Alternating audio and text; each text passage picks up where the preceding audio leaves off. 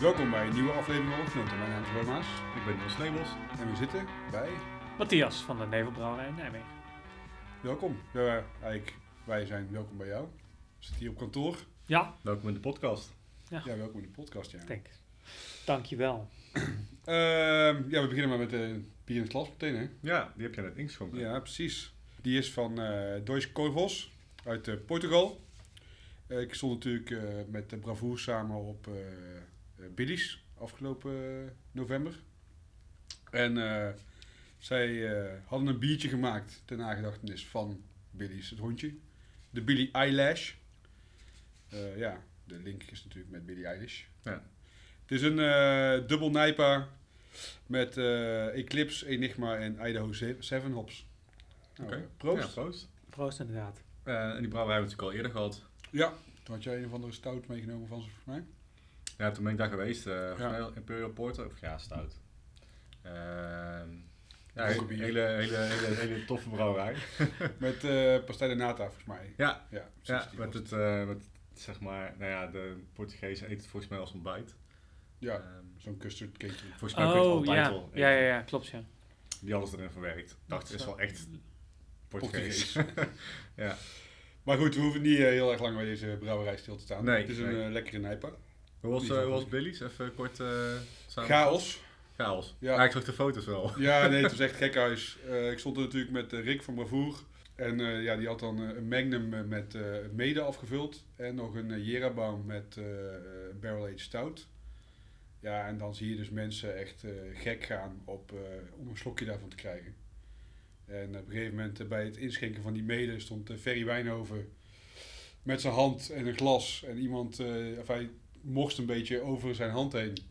En iemand die ook staat te wachten, die likt gewoon Ferry's hand af. Om hem te willen proeven. En toen dacht ik echt van, oké man, dit- het is, gewoon, het is gewoon fucked up. Hoe laat was dit? En dit was eh 8 uur. Oké. Ja, dat, Acht uur s'avonds. Dus het was wel, eh, Ja. wel eh, sessie 2 was het dan wel. Oh ja. Maar ehm, Twee sessies. nee ja, ik, eh, Ferry keek me ook echt aan zo van, what the fuck gebeurt hier? Ja. Zei, ja, sorry, Random gast ook? Of? Ja, echt een random gast.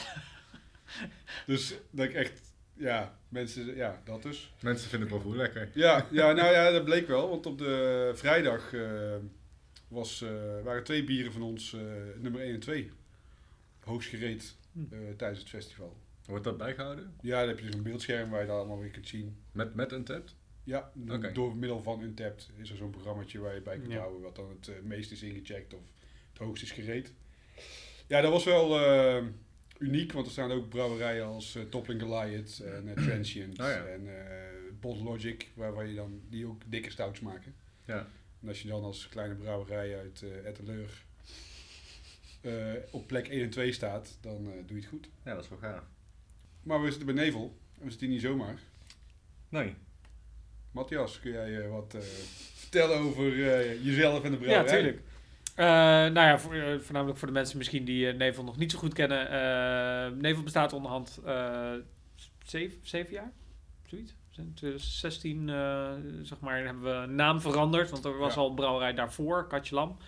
Eh, met Katje Lam hebben we ook nog wel Een collab gedaan. Een collab gedaan met, met Roy. Toen nog inderdaad met, Met Lok, eh, met Lok inderdaad. Mexican porter. Mexican Porter met Brett. Ja, en dat Ja. was een eh, vrij bizar bier geworden inderdaad. ja Wel, ik vond eh, die wel heel tof. ja, ja ik, eh, ik- we waren iets, ik, vond, ik vond dat we iets uit waren geschoten met, eh met de met de eh, met smoked habanero. Of nee, wat was het? Eh, Eh, Chipotle Chipotle inderdaad, ja. dat was het Chipotle. Maar goed, hij was wel, Ja, hij was wel, wel bijzonder geworden, ja. Maar dat was nog katje lam, dus dat was eh, heel kleinschalig. Eh hadden we keteltje, twee, eh, hadden we twee oude ketels van oersoep overgenomen, twee keer 50 liter. Hm. Ehm, en dan maakten we dus een super kleine schaal. Waren we gewoon een beetje aan het spelen. Daar Ja. kwam de naam ook een beetje, de naam katje lam is natuurlijk aan de ene kant verwijzing naar gewoon zat zijn. Aan de andere kant was het juist ook heel speels bedoeld. Dus een logo met een katje en een lammetje. Ja. En, en daar allemaal speelse dingetjes op het etiket mee doen. Nou, ook qua bieren waren we ook voornamelijk een beetje aan het gekke dingen aan het doen. ja freewheelen toch? Ja, je waren Hm? echt, eh, echt wel aan het freewheelen eigenlijk. ja, wel een beetje, ja. ja, ja. Ja. Ja, dus eh, ook, ook veel wel ook naar hist- historische bieren kijken, maar dus ook al, ook al gelijk al wel aan het experimenteren met ja, varianten van wilde of gemengde vergisting. Ehm, maar we hadden wel grotere, eigenlijk al vanaf het begin wel, wel iets grotere doelstellingen. Voornamelijk, ja, de reden dat ik bierbrouwen zo leuk, of in ieder geval überhaupt mee ben begonnen, was omdat ik al, ik was heel veel bezig met, met smaken en met koken. En, eh, maar ook met vraagstukken rondom eten. Van waar komt mijn eten vandaan? Wie maakt dat? Eh, wat is de impact van, van alles wat we eten en drinken? Ehm, eh, dus dat soort vragen waren sowieso al actief bij mij persoonlijk, zeg maar. En dus toen ik eenmaal bier ben gaan brouwen, was dat soort van een voorbeeld om, om zelf, zelf te gaan onderzoeken hoe zo'n product nou wordt gemaakt en, en welke ingrediënten daarbij horen en wat daar, soort van, waar die ingrediënten dan vandaan komen. Uh, dus die, die zoektocht was al sowieso al wel iets wat we in ons achterhoofd hadden al bij Katjelam. Maar bij Katjelam konden we daar, was te klein om daar echt serieus mee te doen. Maar toen we eenmaal de conclusie hadden getrokken van, oké, we gaan we gaan iets doen, zeg maar. We gaan een grotere brouwerij oprichten. Was het wel heel duidelijk van, oké, we gaan wat we ook gaan doen. We gaan hoe dan ook uh, uh, volledig met lokale grondstoffen werken. Of in ieder geval daar naartoe werken om dat te kunnen doen. Want dat kon in het begin nog niet. Ja. dus dat was een soort van premise 1 van, van, van Nevel, wat we toen gingen oprichten. En, en, en punt 2 was, we waren dus helemaal in, in, de, in de ban geraakt van wilde vergisting. Um, dus, uh, dus dat was ook uh, wat we wouden doen. We wouden gewoon wilde bieren maken. Dat vonden we het mooiste, vonden we het leukste om te doen. En ik zeg we, dat was ik en Vincent. Vincent dus, uh, sprongetje in het verhaal. Vincent is nu niet meer bij Nevel, die is anders gaan doen. Um, maar dus ik heb met, met Vincent het allemaal opgericht. En toen we dus in 2016 dus inderdaad neven opgericht. Ook in het honigcomplex in Nijmegen. Uh, daar zitten we dus nu ook niet, want dat is ook, uh, uh, dat wisten we ook van tevoren, dat is tijdelijk. Ja. Um, maar daar, daar zijn we dus in de honig verhuisd. Er was eerst een klein hokje naar een heel grote hal. Ja. Um, en daar hebben we toen nou ja, 160 houten vaten neergeplemd, wat tanks en ehm, een klein brouwsysteem. En daar zijn we dus... Nou, uiteindelijk in 2017 zijn we begonnen met brouwen daar. Ja. Dus, uh, ja, ja. had je ook destijds toen nog de horeca bij. Nou, dat was iets later. Dat was, uh, ja. 2019 zijn we met een proeflokaal inderdaad uh, begonnen. Um, dus inderdaad, de tijdlijn heeft misschien wat verder afmaken. Naar 2019 een proeflokaal geopend inderdaad. Um, toen ook best wel in die periode, eigenlijk van, van 18, 19, ook de meeste soort van groei ook gehad. Um, dus toen hadden we ook best wel wat mensen in dienst, ook in die fase toen in 2000, ja, toen, nou ja, uh, COVID meer, maar uh, 2021 wel uh, de beste bier van Nederland uh, gewonnen met Meander. Dat was wel ja. hoogtepuntje nog van, van, van, dat jaar. Nou, geen puntje, maar was wel, was wel een mooi hoogtepunt. Ja, mooi. Um, dus, en toen in eind dat jaar, eind 2021, moesten we dus de honing uit. wat we dus ook al van tevoren wisten. Um, we hadden nog niet, we hadden eigenlijk toen we begonnen, hadden we al gelijk ook als doelstelling, uh, ja, leuk industriepand, maar uiteindelijk willen we naar een boerderijbrouwerij, want dat past het beste. We willen mensen weer opnieuw in verbinding brengen met, met, met wat ze eten en drinken. En eigenlijk nog één stapje verder daarachter, waar dat eten en drinken echt vandaan komt. Dus van het land en van, van de natuur. En, uh, en, en die link willen we heel graag bij mensen leggen. Dus dat stukje verbinding, zeg maar. En dat dat kun je natuurlijk het beste doen als je ook daar bent. Als je dat echt kan laten zien. Uh, ja, nu kijken we hier, te, hier. Het uitzicht is op zich grappig, want het is een veldje met schanten, ganzen en schapen. ja. Maar uh, daarnaast ook de snelweg. Dus uh, het is niet helemaal optimaal hier. En het is hier ook gewoon een. ja, een, stroom, een stroomverdeel. Ja, stroomverdeelpunt. um, ja. Dus op zich niet super ideaal. Um, dus dit, waar ik nu naar verwijs naar het uitzicht is Nijmegen Noord. Dus waar we nu zitten. Maar eigenlijk wouden we niet naar zo'n plek verhuizen, maar gelijk naar de boerderijbrouwerij dus. Um, maar goed, die hadden we nog niet gevonden. Ja. Dus, uh, dus dit is ook uh, tijdelijk. Uh, met als doel om uiteindelijk door te bewegen naar, ja. naar de uiteindelijke ultieme boerderijbrouwerijplek. En dan, maar goed, jullie doen natuurlijk al veel met het voedselbos. Klopt. Dus daar hadden jullie al veel... Uh... Ja, we werken, ja, we werken dus sowieso 100% met, met, lo met lokale telers. Het voedselbos in Groesbeek, uh, het oudste voedselbos in Nederland, is daar, is daar één van. Um, uh, maar we hebben dus ook graantelers waar we mee werken. dus mensen die met historische graanrassen werken, of wel ook met moderne, bijvoorbeeld zeker als het om gerst gaat, brouwgerst, met, met ook moderne gerst. Maar we hebben ook dus al heel tof één teler die een historische gerstras teelt, Chevalier uh, gerstras uit 1800.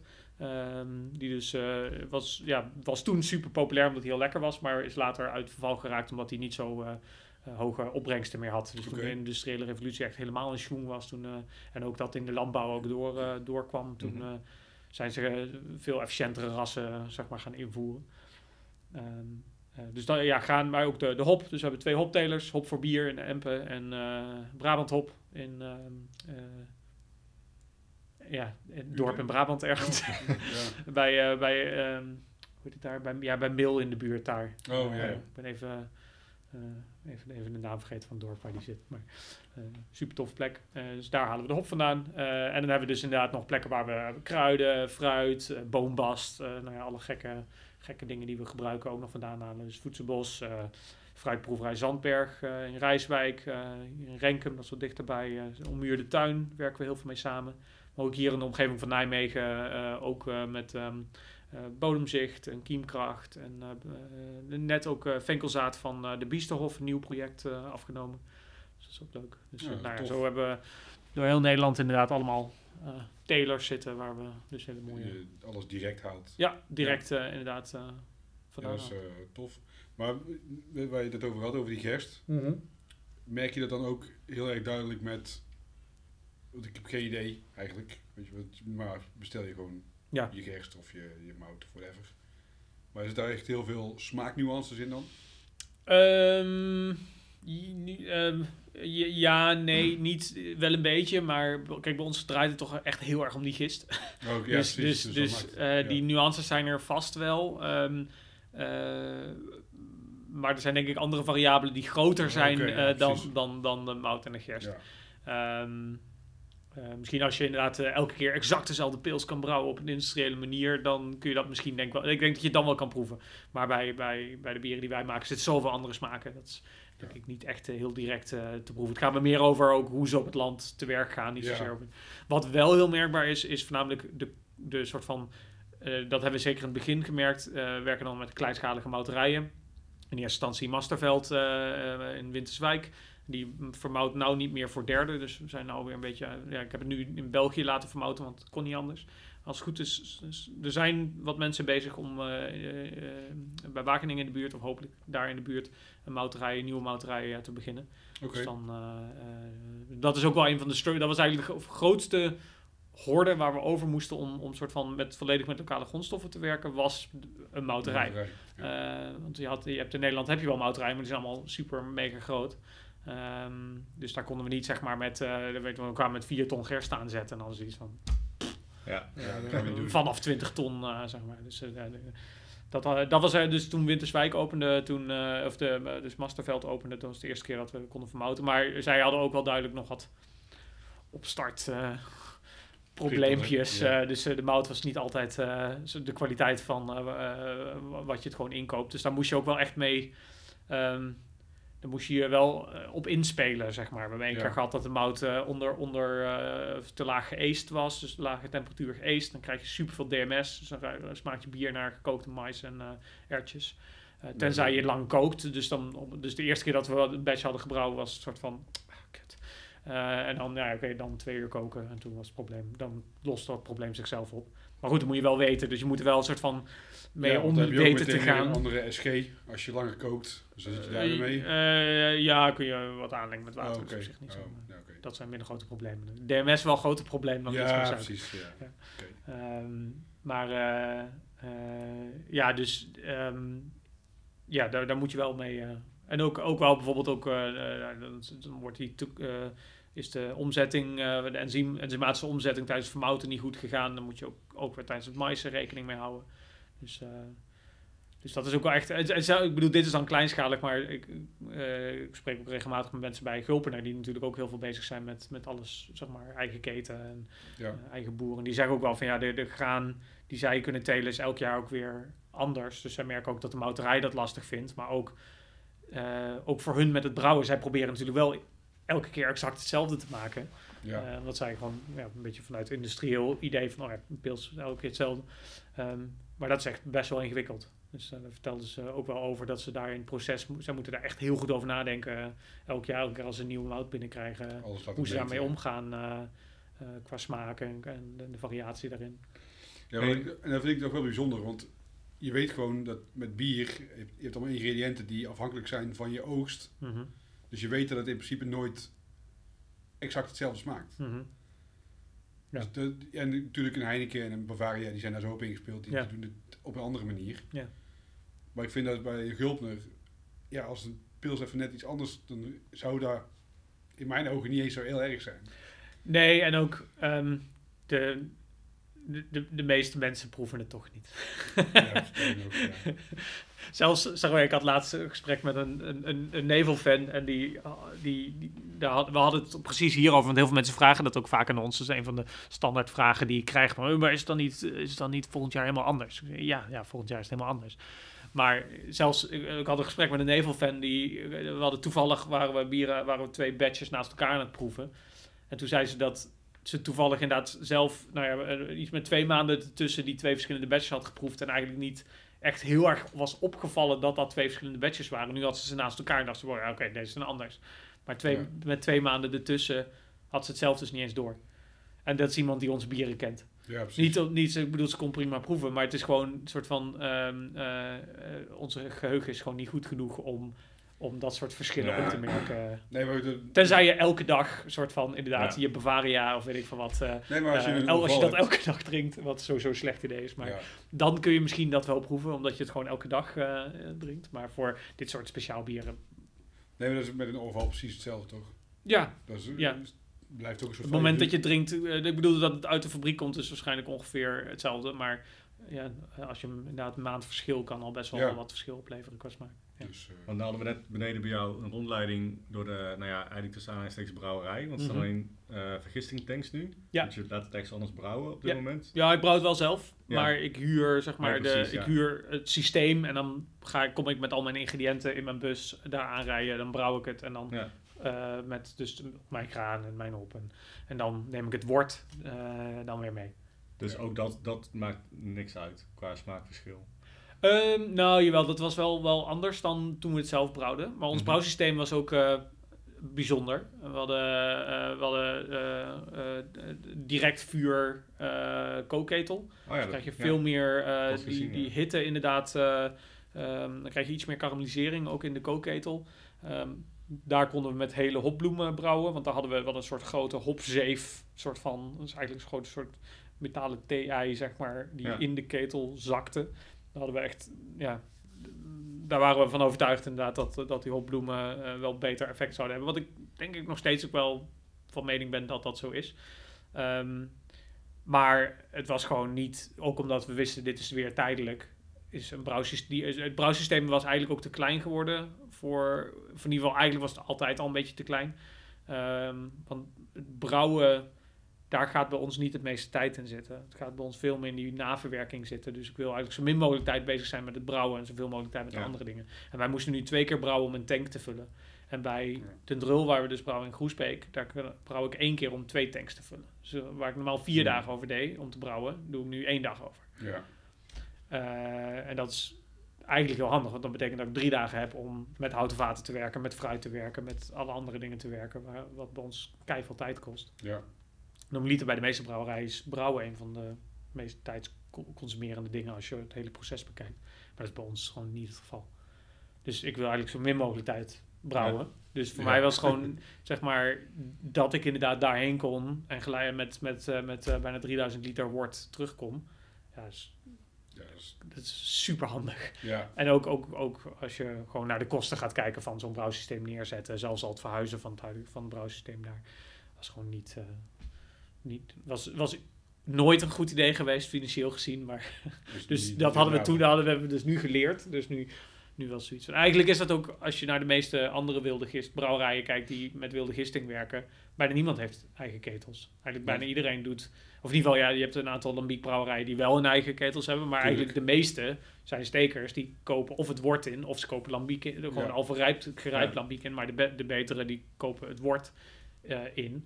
Eh, maar bijvoorbeeld ook inderdaad een Tommy, eh, eh, ja, die, die kopen gewoon eh, wort. Ja, Ja. voor de geïnteresseerden, je vindt online ook zo'n flowchart van alle wie waar inkoopt. eh dat is heel grappig. om Oh, van de lambiek, van de stekers. van de stekers. Ja, ja, ja. Dat is heel grappig om op te zoeken.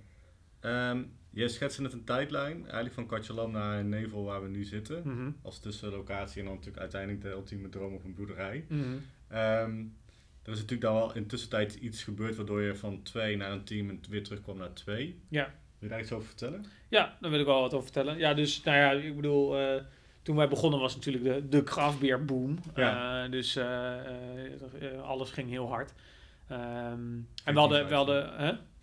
2014, 2015 zo. ja, dat was Katje Lam inderdaad daarna 2016, 17 toen we Nevel oprichten. Maar toen ging het nog steeds best wel hard. Ja. Ehm, dus we hadden, we hadden heel grote plannen. Dus wij dachten, wij gaan, wij gaan van Nevel gaan we een soort van de wilde gistbrouwerij, nou, in ieder geval van Nederland maken. Want we hadden sowieso wel, ehm, eh, wel als doelstelling om grotendeels gewoon Nederland wel als hoofdmarkt te hebben. Dus niet, juist niet te veel te focussen op export, maar Mhm. veel op Nederland. Maar we hadden wel gewoon, we hadden wel dat wel een soort van bekend merk door heel Nederland. Dus niet alleen maar, juist, juist niet alleen maar voor, even tussen aanhalingstekens, de geeks.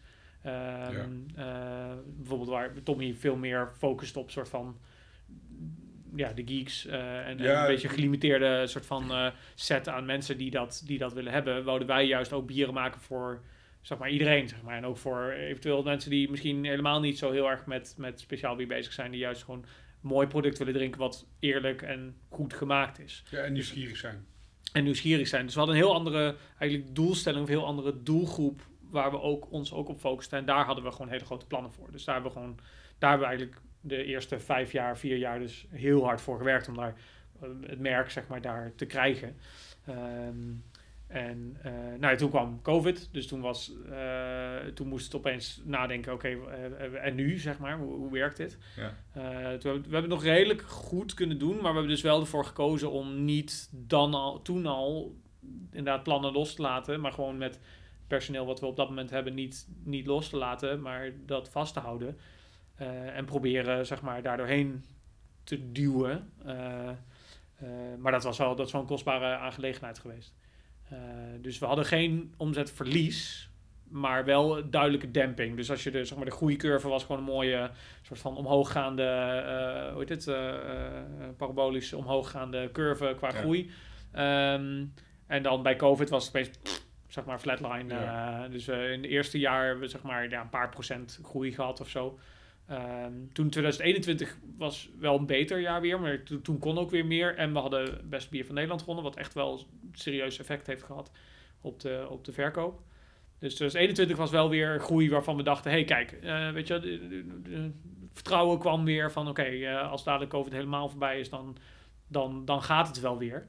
Ehm, maar goed, toen was COVID voorbij en toen kwam andere nou, crisis, ja, Ja, ja. de- de- de- ec- andere economische omstandigheden, om het maar even in eh, iets subtielere termen te zetten. Ehm, waar natuurlijk ik als brouwerij niet de enige ben die hier... eh, de, ja, jullie vertelden inderdaad van tevoren ook al eh, dat jullie af en toe inderdaad als er weer een failliet is... eh, Ja. erover hebben. Nou, dat is, dat is eh, gewoon dat is de realiteit waar we nu in zitten. Dat, eh, eh, dat het als kleine brouwerij echt, echt wel een stukje moeilijk, moeilijker is geworden.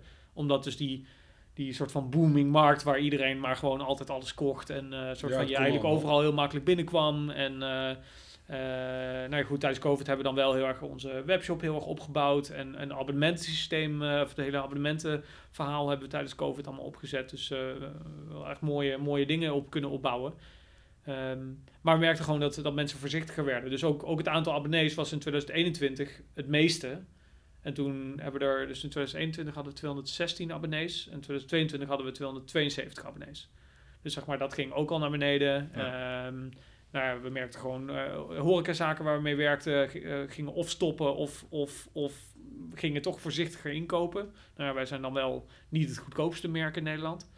Ehm, dus ja. nou ja, goed, ik kan wel meerdere dingen opzommen. Maar Nee, goed, precies, de- de- ja. de- de- de- wat, wat ik gewoon zag, zeker tegen de zomer aan, was... eh, hey, dit, dit gaat, eh, is niet goed, zeg maar. Dit, de, dus, dus de omzet stab, eh, eh, het zakte niet, maar het stabiliseerde weer. We hadden het proeflokaal toen ook, nou ja, we waren toen net verhuisd. Dus het proeflokaal hadden we net een beetje in de zomer open, maar ja, liep ook niet precies zoals ik wou.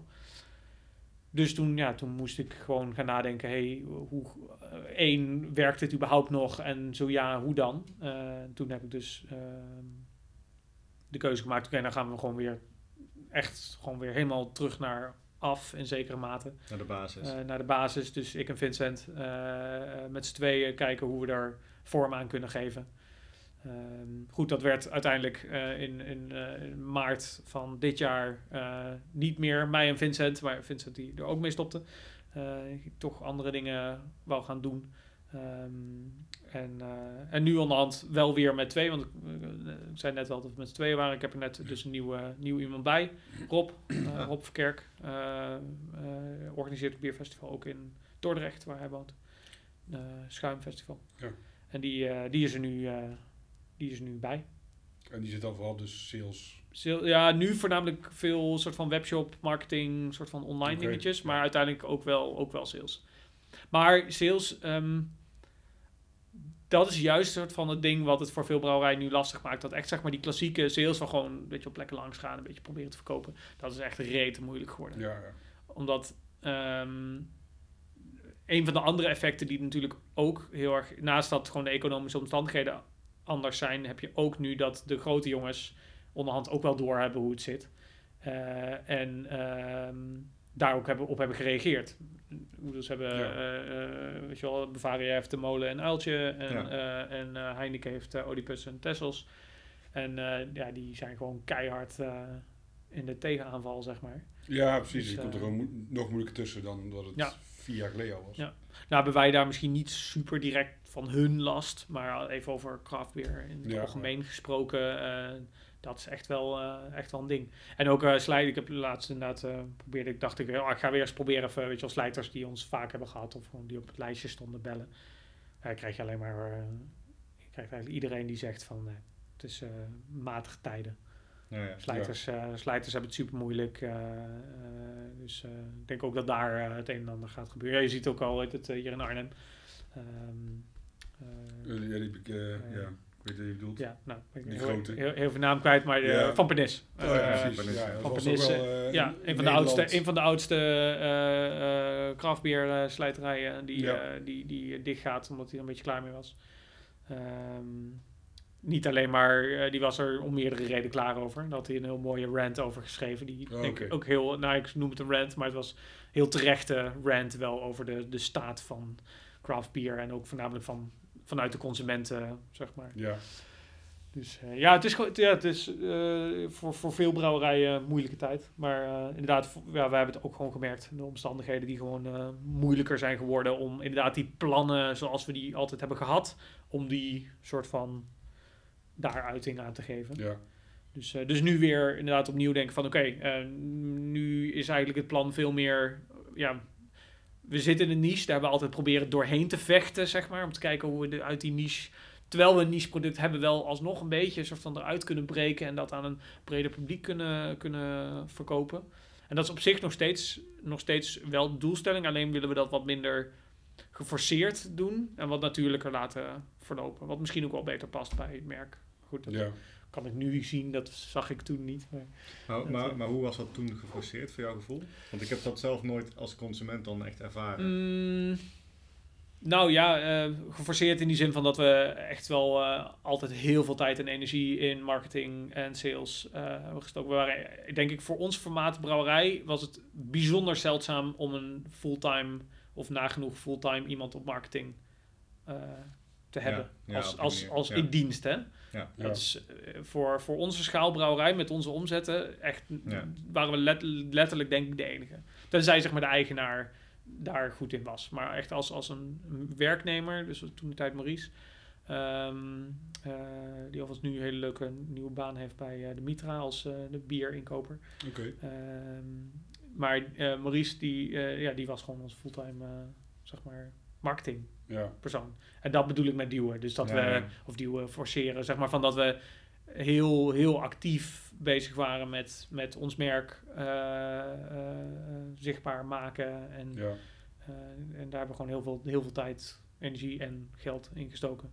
En ook sales ook wel. Ik bedoel, we hebben ook heel veel actieve sales gedaan altijd. En, Ja. Um, hebben daar gewoon altijd heel veel tijd en energie in gestoken. Dat hadden we ook anders kunnen doen. We hadden ook natuurlijk gewoon kleiner kunnen beginnen, geen werknemers.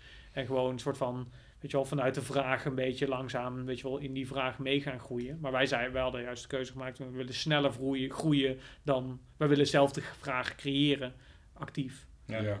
En dat, dat is op zich ook een pri- prima strategie. Het is geen, geen, op zichzelf niet een, niet een slechte strategie. Maar we hadden iets te niche product voor een iets te moeilijke prijs. Een iets te hoge prijs. Om dat, om dat makkelijk... eh althans, dit is natuurlijk achteraf eh, makkelijk zeggen. Maar eh, dat is de conclusie nu van... oh Ja, ja, dat was toch, toch denk ik... ehm, ja, bier niet helemaal een soort van meegegaan in een soort van de, eigenlijk de, de natuur van ons bier zelf.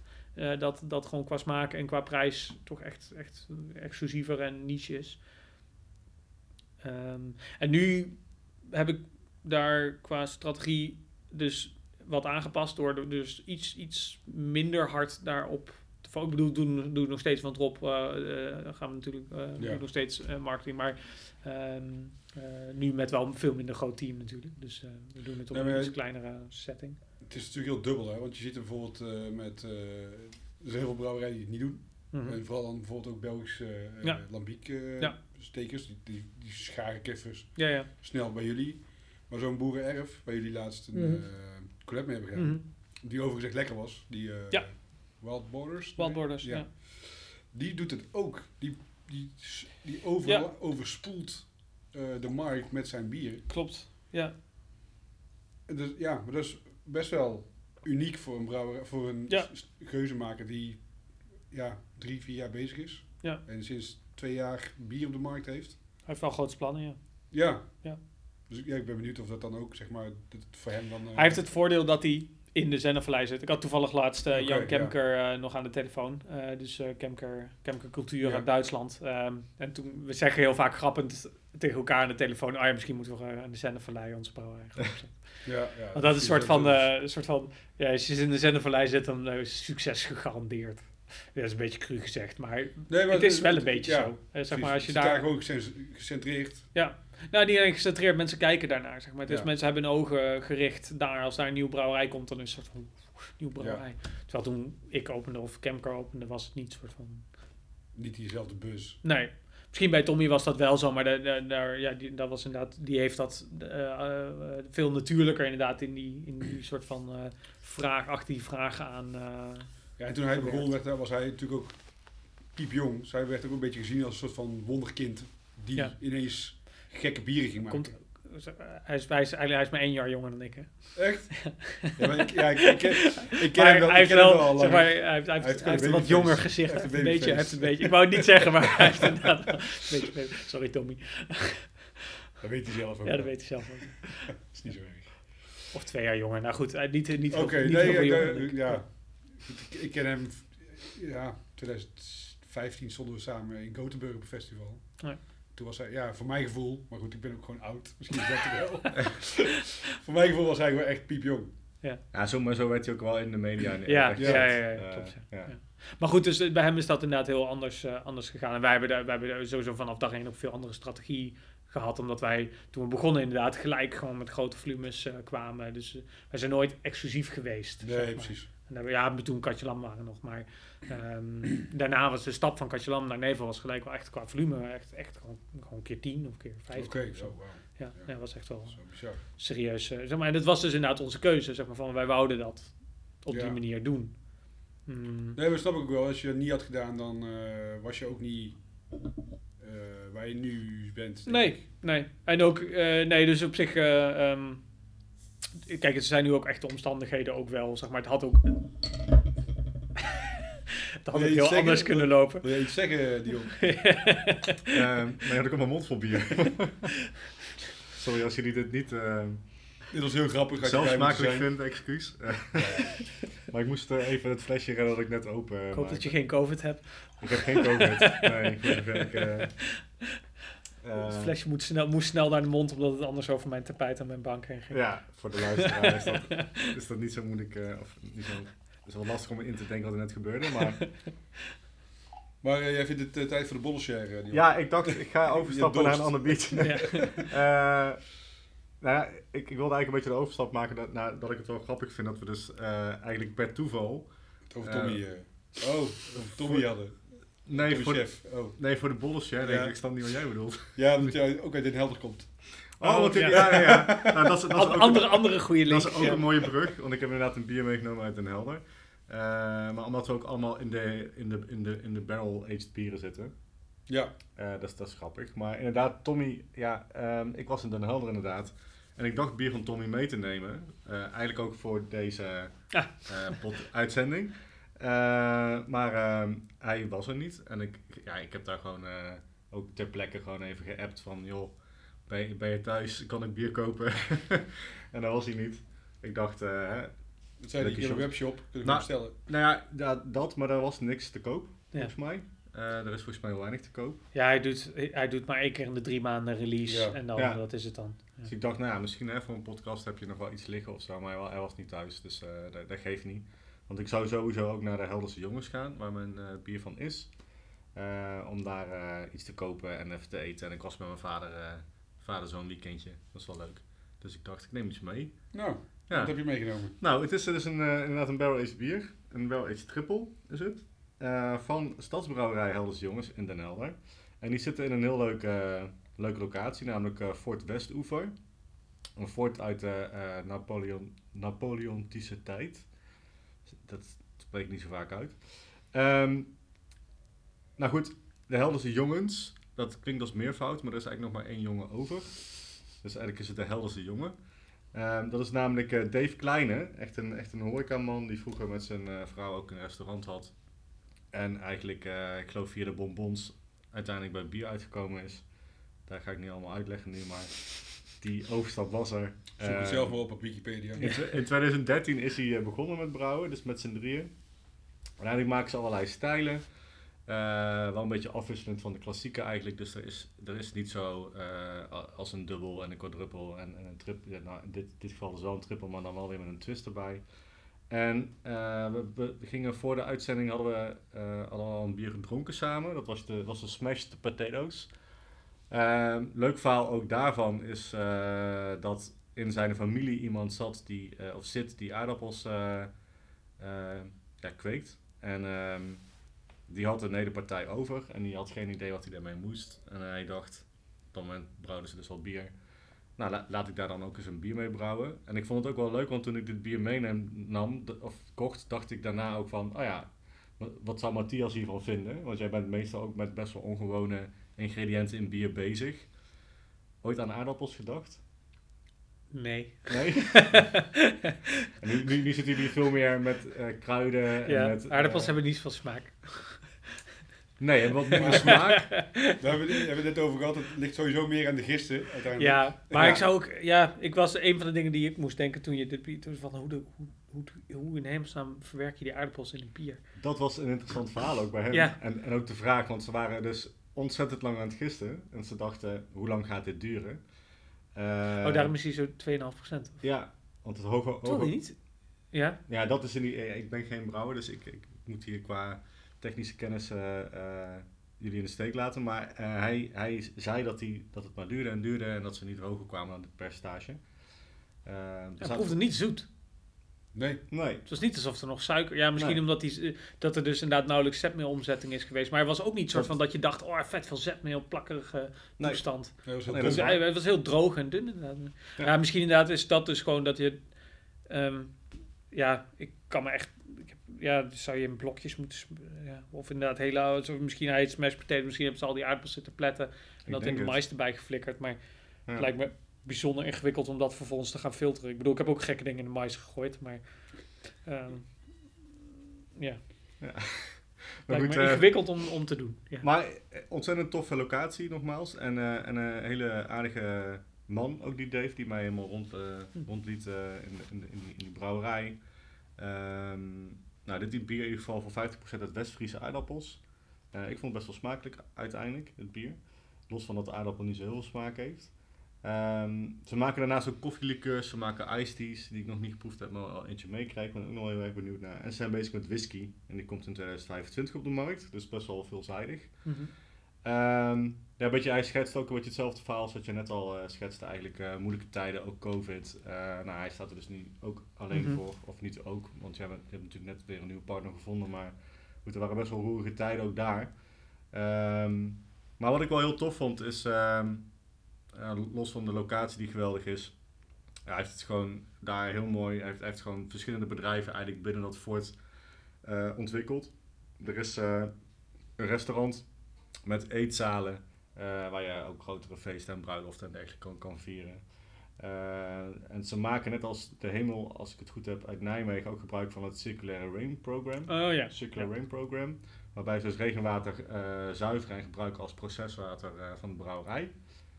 Is dat dan bij jullie later ook nog een, iets wat je denkt, dat zou ik wel graag Ja, ja, ja willen zeker. toepassen? Ja, zeker. Als we een vaste locatie hebben, dan ja. Want is dat dan, is dat dan, dat Circular Rain Program, is dat één bedrijf dat dat... Ja, voor zover ik, wat, voor zover ik het begrepen heb, was dat inderdaad een soort systeem wat een bedrijf had Ja. ontwikkeld. En die hadden dat inderdaad toen voor de PR inderdaad met een aantal brouwerijen daar eh, zo'n systeem neergezet. Ja, weet niet of het helemaal nog steeds gebruikt wordt. Nee. Dat bier, ze hadden ook één bier wat echt met het regenwater Ja, gebrouwen was. Echt als, inderdaad.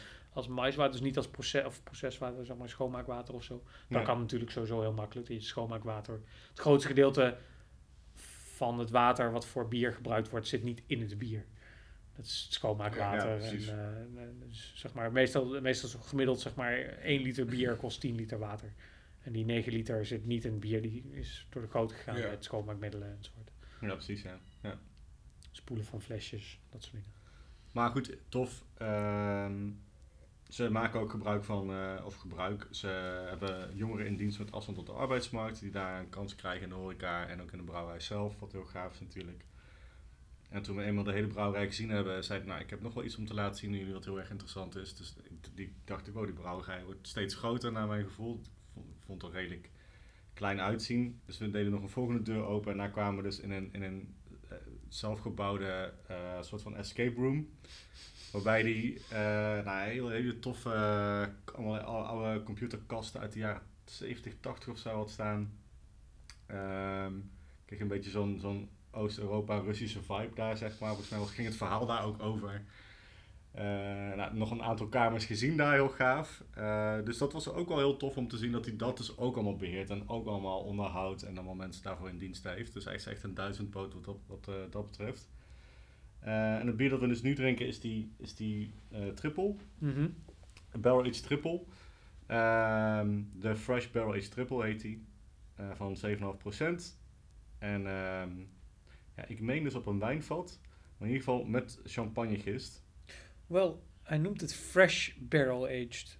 Dus misschien bedoelt hij daarmee dat het wel Toch een wel nieuw, nieuwe- toch nieuw eik is. Een nieuw eiken. Ja, nou hij heeft het Wel niet, het smaakt niet, zeg maar, ik heb wel eens zo'n nieuw eiken bier van Dochter van de Coroner gehad. Ja, Mhm. Dat was veel heftiger op de eik dan dit. Ja, Je had het maar ook wel redelijk zo'n, ook wel toasty, eh, soort van, een beetje zo'n eh, hazelnoot, soort van toasty. maar dochter van de corona laat ook echt alles knijterlang liggen op vaten. Ja, dat zou kunnen, ja. Eh, en dus met champagnegist. Dus ik dacht, nou, het is, het is bijna, hè, we gaan bijna naar een nieuw jaar. Dus ik dacht, het is ook wel een mooi bier om daar, eh, da- daarvoor te gebruiken. Dus eh, ja, ik ben benieuwd, benieuwd wat jullie ervan vinden. Hij Er zit naast, leeg. sorry, naast de basisingrediënten ook sinaasappelschil en korianderzaad in. Gelukkig niet veel. En meer kan ik er niet uithalen. Nee, daar ben ik ook nooit zo van. Corrie, zeker van de koriander. Nou ja, het is verrassend eh, doordringbaar. Ja, Mhm. Of was jij echt heel lang aan het praten? Dat het gewoon heel lang duurt. eh. nee, dat was het niet toch? Nee, nee, nee, nee. ja je hebt wel Nee. echt heel duidelijk soort van dat eikige, eikige Mhm, randje erin inderdaad. Ja, ik heb daar echt, ehm, nou, in ieder geval best wel veel lekkere biertjes mogen drinken. Dus ik was best wel verrast eh, om, om daar terecht te komen en, te- en ineens heel veel lekkers te proeven. Dus eh, ja, tof. Ik had helemaal geen beeld van de Elderse jongens. Ja. Nee, ja, ik, ik, ik, eh, En het, het is ook niet echt... eh, iets wat je kent. Nee. Nee. Nee. Ja, mits je in Den Helder of in de, daar in de Ja. buurt zit, dan... eh, Mhm.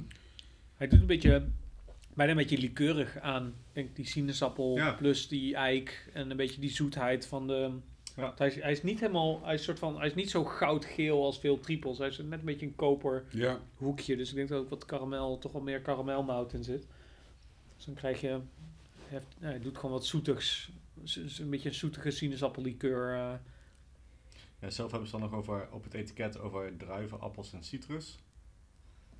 En een bite van de Franse eiken. En het, eh, een jaar heeft het bier mogen rijpen trouwens. Oh, dat is, eh, oh, best wel lang. Dat is Ja. best lang. Ja. Nieuw eiken. Als het nieuw eiken is. Ja, dan vraag ik me dan wel af. Ja, er staat die champagnegist, hè, dus, dus eh, dat is in ieder geval ook gebruikt. Ja, dat doet niet super Doet dat niet su super veel met... Ja, een beetje, zeg maar, je, je krijgt nog ietsje, ietsje langere gisting mee. Oké. Maar goed, mocht je eh, ooit in die uithoek van Nederland zitten, ja. Ja, want zo voelde het wel een beetje toen ik was, ga langs, eh, langs de Helders Jongens. ik ben er Eh, een aantal keer geweest en dat was puur en alleen om de pont te pakken naar Texel. Ja. Dat kan natuurlijk ook. Ja. En dan zit je bij Tessels. Maar dan... Ja. eh, Ja, dan- bij Heineken dan- dus.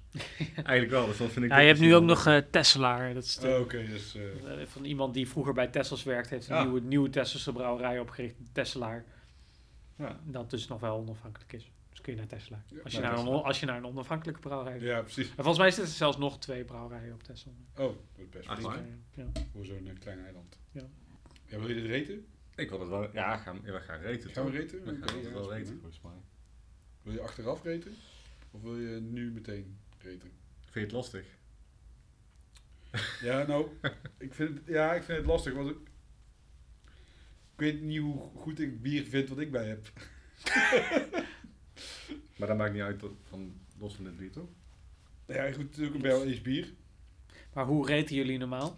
Gewoon eh 0 tot 5 doppen. Ja, gewoon, eh, ja, Ja. een tap stilo. Ja. En ik, ik probeer En dan, dan maken we er iets eh, belachelijks van maken, zeg maar. Maar- ja, precies.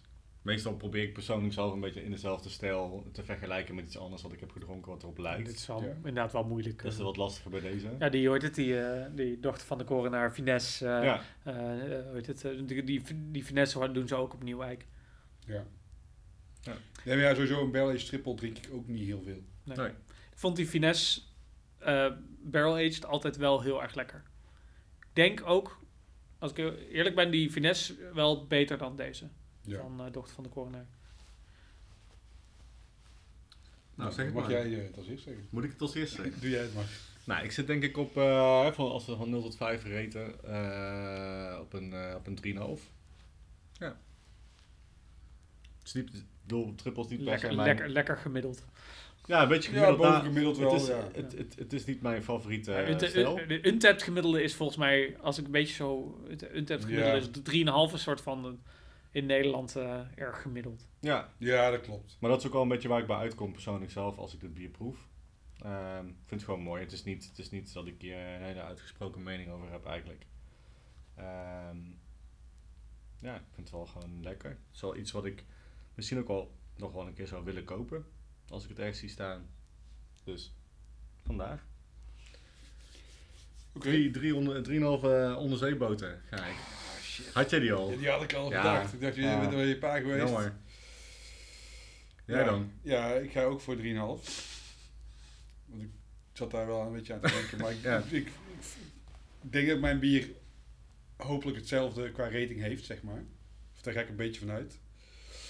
Ja, dan ga ik voor eh 3,5 pond naar Texel. Ja. ja. Nou, mooi. Matthias? Moet ik ook nog reten? Als je dat wil, Mag hoeft niet. Hoeft niet. Ik denk, eh, ik denk dat ik drie. eh, ja, dan eh, ga ik nu even gewoon heel klassiek voor dop. Drie doppen. Dan Drie doppen. even zo snel niet iets, iets, heel, iets heel hips verzinnen. Dan gaan we snel door naar het eh, volgende biertje. En eh, ja, die heb ik net al even rustig opengemaakt. Want eh, hij was, eh, net als jouw biertje, vrij enthousiast. Ja. Totdat de dop eraf ging, toen deed hij niks. Eh, maar Zelfs het- nog even naar buiten gelopen. zelfs naar buiten gelopen, maar eh, ja, helaas. Eh, we drinken Kust van eh, Dutch Bergane samen met eh, domein de Brabantse Wal. Dutch, Dutch. Hoe, heet je, hoe spreek je dan? Bargain. Bargain. Bargain, ja. Oh, fuck it. Bergheim. Dutch Bergheim. Oké, Te- te Dutch veel- Bargain. Te, te veel in Berlijn geweest. Ja, precies. Samen met eh domein de Brabantse Wal. Het is een barrel-aged grape ale. Aha. Aha. Eindelijk. Ja, die wilde jij al heel Ja. graag een keer meenemen, maar die hadden ze iedere Uit keer niet. Italië, ja. Oh ja. Ja. Nou goed, kust. Eh, daar waar de Brabantse en de Zeelandse kust. eh, We hebben ook Elkaar kusten? Kust genoemd. hebben jullie ook een keer kust genoemd? Ja, de, een collab met. Oh, We hadden toen drie collabs gemaakt voor zeg maar die overgang van zeg maar wat soort vrienden collabs met uh, Oh, eh Kromme Haring en eh Poesiat. oké. Maar dan ben ik even vergeten Met wie? welke met van wie? de drie kust heette. Ja, Eh, Eh, oh, de, de, eh, Haring was dat. Oké. Want Boetje Steers was eh Engels. Nou goed, maakt niet uit. Eh, dus ja, het is eh, een bier met wijn eh, collab. Eh, vader is wijnboer en zoon is dus de bierbrouwer.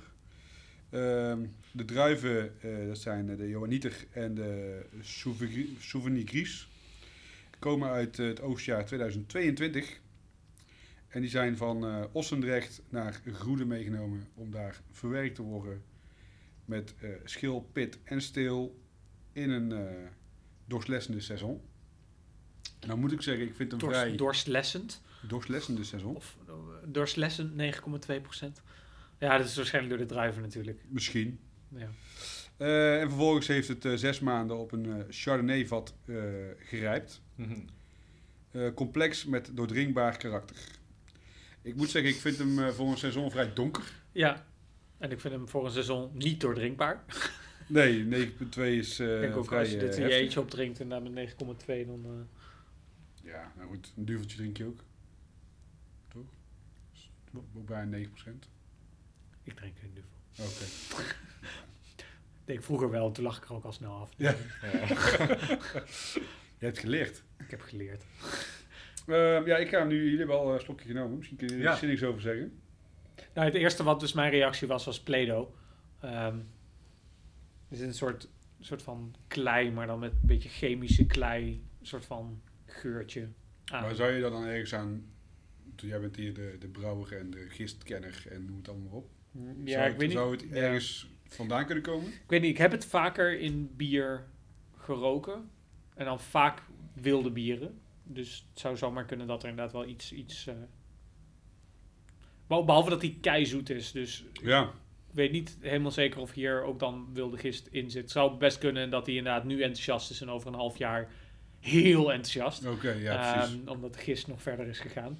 Ja, want er zit echt nog ook wel echt wel restsuiker. Er zit Ja. echt wel restzoet in. Ehm, ik weet ook niet of ze... dus ja, het is denk ik een combinatie van die druiven en, de, en, Hmm. en iets met gist. Maar dat is met wilde gisting altijd een beetje het Ja, dit is niet echt specifiek wilde gisting natuurlijk. Maar goed, als Nee. je de druif aan toevoegt, dan is dat vragen om, eh, Maar ik heb het om, eh, om eh, eventueel... andere gisten ja. dan wat je hebt toegevoegd. En zeker als je dan Tenzij je er eh, een tegenaan hebt gegooid. Als je dan ook nog vervolgens als je laat, hout rijdt, liggen ja. op voormalige wijnvaten, dan is het natuurlijk ook weer... Het is denk ik niet gepasteuriseerd. Dus. Maar dat zoetje heb ik ook wel. Dat heb je ook wel eens met als je zeg maar vroeger met lok, we dan bier afvulden, dan deden we daar nog na Mhm. suikeren. Ja. Dan had het ook een beetje zo'n zo'n gekkig zoetje wat je wat het na Voor de drie, nagisting op fles. ja, wat na drie vier weken uit was. Ja, tuurlijk. Ja. Maar als je het dan proefde wanneer je het af aan het vullen was, daar heb ik hier een beetje mee. Ja. Gewoon, ja, gewoon, ik denk gewoon dat er zit gewoon echt nog suiker in. Ja. Vandaar dat hij denk ik ook nog wel enthousiast is en waarschijnlijk ook nog wel enthousiaster wordt. Ja, hij jij- is ook al, eh, of in ieder geval, als er een houdbaarheidsdatum van drie jaar op hebben gezet, hebben ze hem in mei dit jaar afgevuld. Dat zal denk ik ook wel, want ze hebben natuurlijk in 2022 die druiven Ja, ja, die toegevoegd. oogst. Dus waarschijnlijk Ja. inderdaad is die, eh, is die van eh, mei 2023 afgevuld. Dus is die nou eh, zeven maanden op fles. Goed, wilde gist is traag, dus het kan zomaar zijn dat hij inderdaad over een half jaar Ja. heel, heel, heel enthousiast is. Omdat hij Dus gewoon, de tip van Matthias, eh, drink hem snel op. als je hem hebt staan, dan eh, of koud zetten of snel drinken. Ja, precies. Heb je ooit, eh, jullie, hebben jullie zelf ooit een bier gemaakt van rond echt een wat hoger percentage als zo Mhm. rond de 19? Ja, we hebben ehm, een van de eerste bieren die we als nevel hebben uitgebracht was een collab met Oersoep. En dat was een ehm 9, 10-ish procent bier. Mhm. En later hebben we dat nog een keer gedaan. Met wie was dat ook weer? Dus ook een collab. Eh, Zijn- en, eh, hè? Zijn het dan dingen die echt uit de collab komen?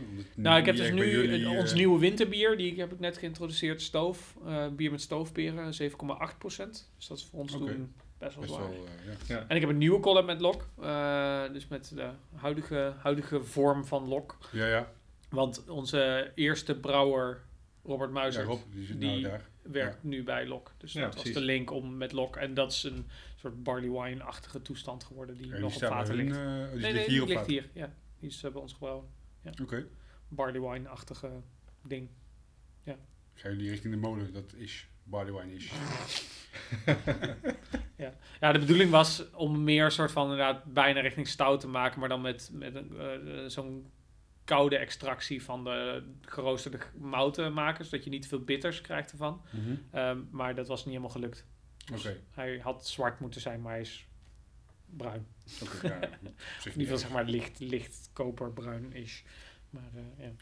Maar dat is... maar dat zijn, ja, dus verder, dus 7,8 is wel het zwaarste wat we als, als echt als eigen Ja, bier. ehm, Want we hadden net, we hadden net een, heel, een, heel kleine plaspauze. Plas, pauze. pla- plas, plas, plas, Plaspauze. Plaspauze voor de, voor, de, voor de luisteraars. Dat moet af en toe ook gebeuren tijdens het eh, drinken. En toen had ik het met eh Matthias over, zou je ooit ook, of zouden jullie ook, ook ooit een, een, een triple of iets in zo'n stijl willen brouwen? En toen zei hij, ja, ik wil daar best wel van af. Eh, want je hebt het net gehad over dat jullie ook inderdaad een, een, een wit bier gebrouwen hebben. En dan kwamen mensen thuis die niet dronken dat en die dachten, "Nou, dat is niet per se een wit bier of iets wat Mhm. ik daarvan verwacht.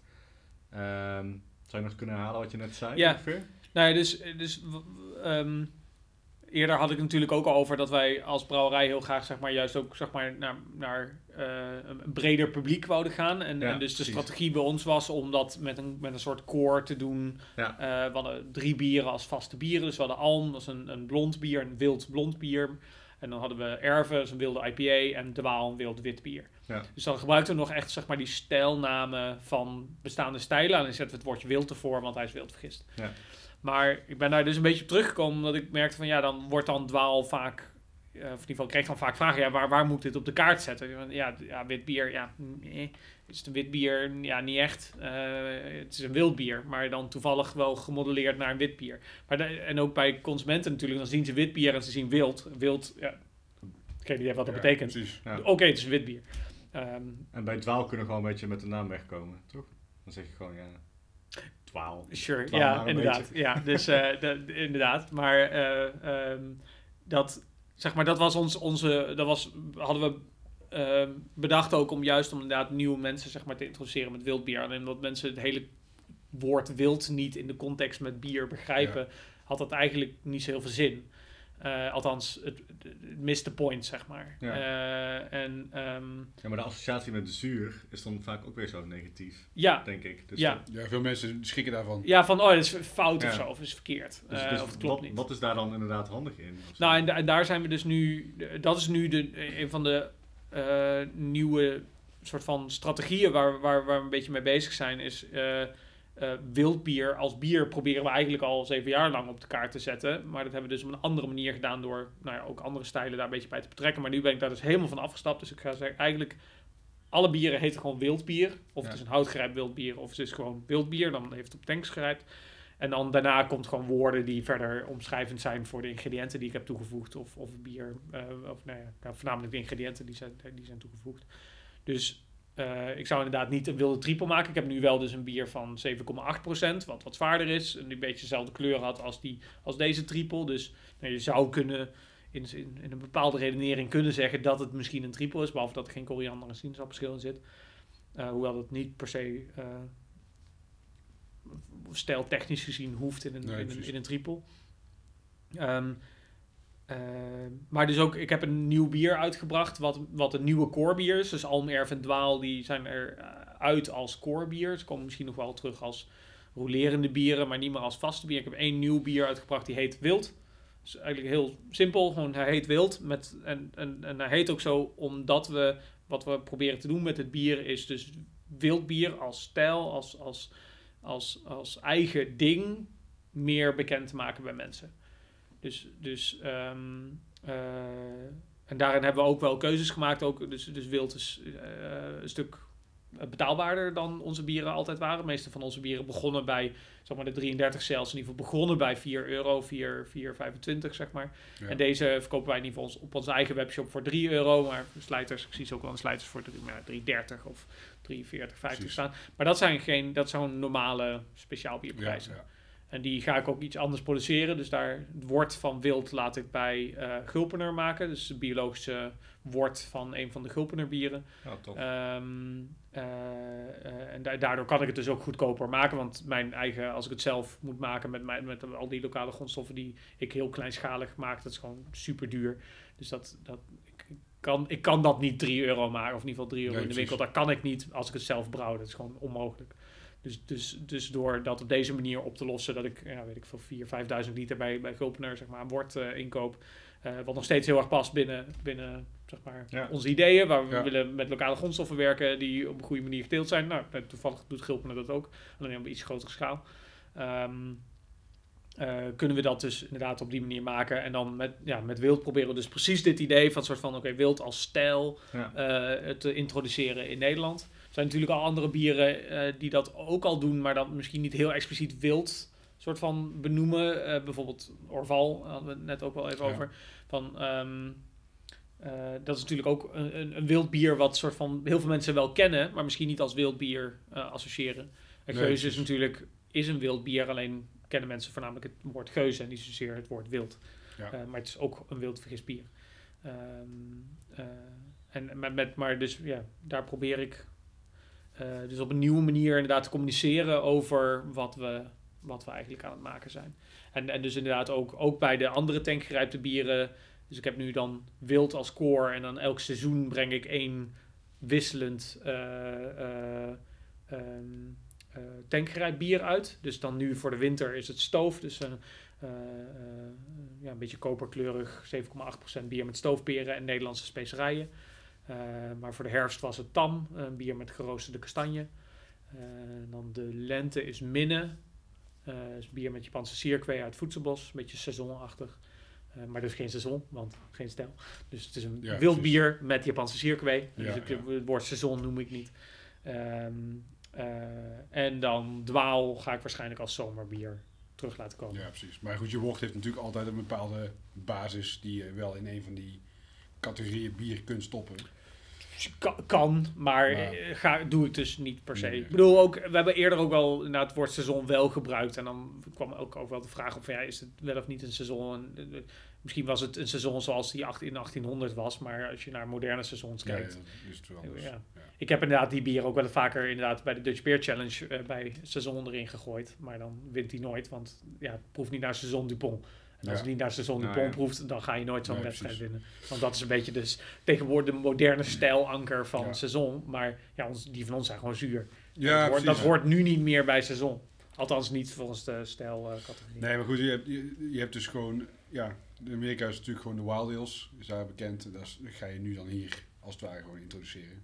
Ja, alleen noem ik het dus niet Wild Ale, omdat ik, ja, ik wil het graag in een Nederlands woord. Nee, eh, precies. De Zeg maar wat dat betreft, ja, ik verkoop alles in Nederland, dus ik wil ook graag een soort van wild Nederlands bier. als naam inderdaad gebruiken. Dus wild bier. Het is natuurlijk moeilijk, Maar te, ja, je- het is in principe hetzelfde als Wild Ale, alleen dan gewoon in Nederlands. Ja, Dus het is in principe hetzelfde. het is natuurlijk moeilijk te onderzoeken, maar eh, want ik, ik vraag me dan af, want je, ja, ik, ik, ik merk een beetje zo dat ik, heel, dat ik jullie wel echt een hart onder de riem wil steken, Mhm. zeg maar. Dus het zou mooi zijn als jullie inderdaad gewoon weer, eh, of, of gewoon klimmen naar een wat grotere be- bereik en dat mensen het snappen, want dat is ook altijd een beetje mijn missie. Mhm. Als ik mensen eh, bier laat proeven, hè, ik geef proeverijen, dus dan probeer ik ook echt gewoon, ik, ik weet, er is gewoon voor, voor iedereen is er wel een bier. Mhm. Ik geloof dat iedereen bier eh, lust, namelijk. Mhm. Mensen zeggen wel eens, ik, ja, ik lust geen bier, nou, dat, dat, dat, dat geloof ik niet, zeg maar. Omdat het zo'n groot bereik is aan smaken. Ehm, dan vraag ik me dus af, heeft het inderdaad, is het, is het commercieel onaantrekkelijk om dan inderdaad geen eh, seizoen op je etiket te plakken? Dat is natuurlijk heel moeilijk te onderzoeken, denk ik, of dat dan uitmaakt voor, voor eh, hè, consumenten. Of ze dan meteen zien, ah ja, het is een seizoen, of die eh, is dan misschien ook wel door zo'n Koen de bierbrigadier. Shout-out trouwens Ja, naar Koen. shout-out naar Koen. Waar jouw biertje van was, van Dutch Ja. Wel gekocht, hè? Hij is niet gesponsord. Oh, nee, dan terug. Sorry, moet even eruit knippen. Eh, nee, nee, grapje Koen. Maar eh, maakt dat uit, vraag ik me dan af, zeg maar. Is het commercieel aantrekkelijker om dat soort, dat soort dingen op je Mijn- etiket te Nou, mijn, mijn idee daarvan is een beetje een soort van ook wat er met eh, natuurwijn bijvoorbeeld is gebeurd. Zeg maar, Ja, Ehm, het is natuurlijk wel het woordje wijn, maar goed, ik noem bier ook bier.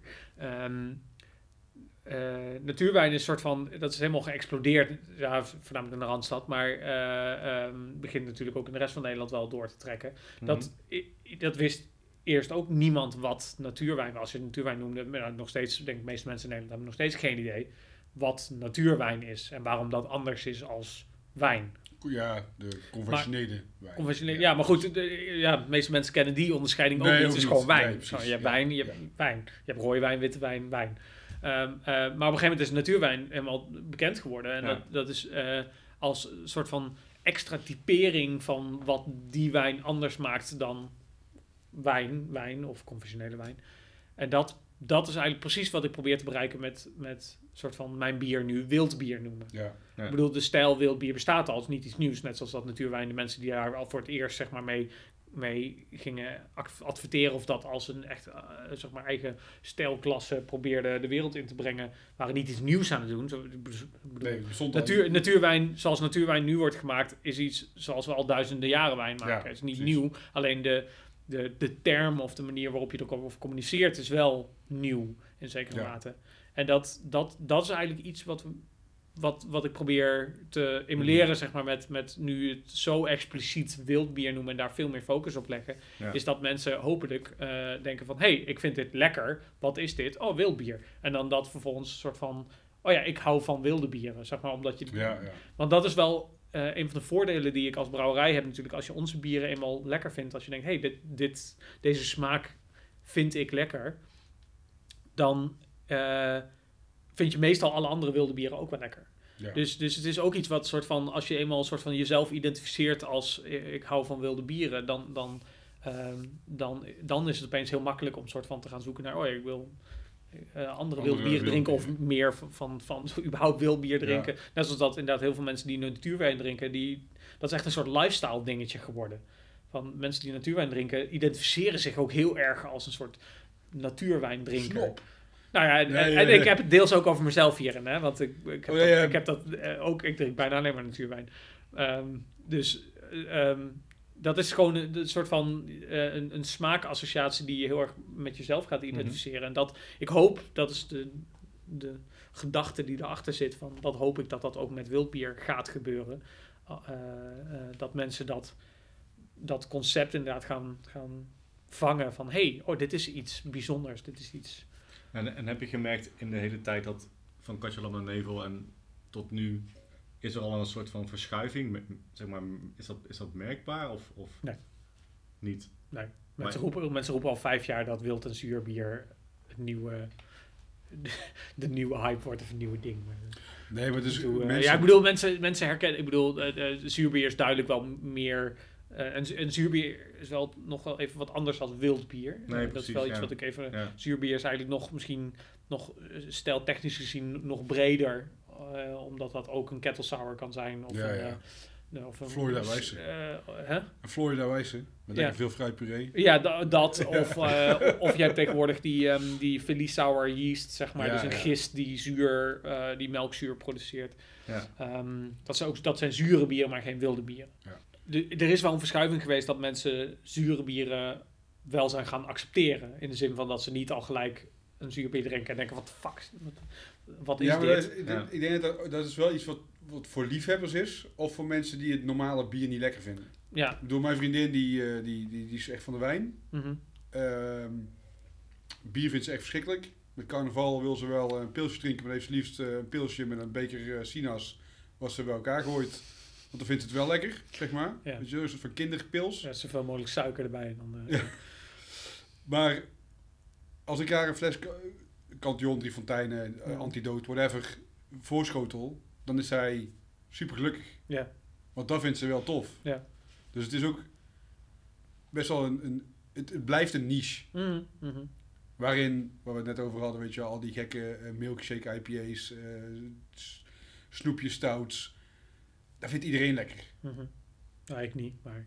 Nee, maar ik bedoel, dat, dat zijn, vaak zijn het van die heel herkenbare Ja, smaken. het, is, het is zoet en gemiddeld, gemiddeld genomen is, Ja. is, vinden mensen zoet lekker. Ja. Het Maar goed, dat, dat ja. is dus precies. Ja, dus ik hoop heel erg. Want natuurwijn vonden. Ja, dat was hetzelfde van. Dat was eerst ook een super harde niche.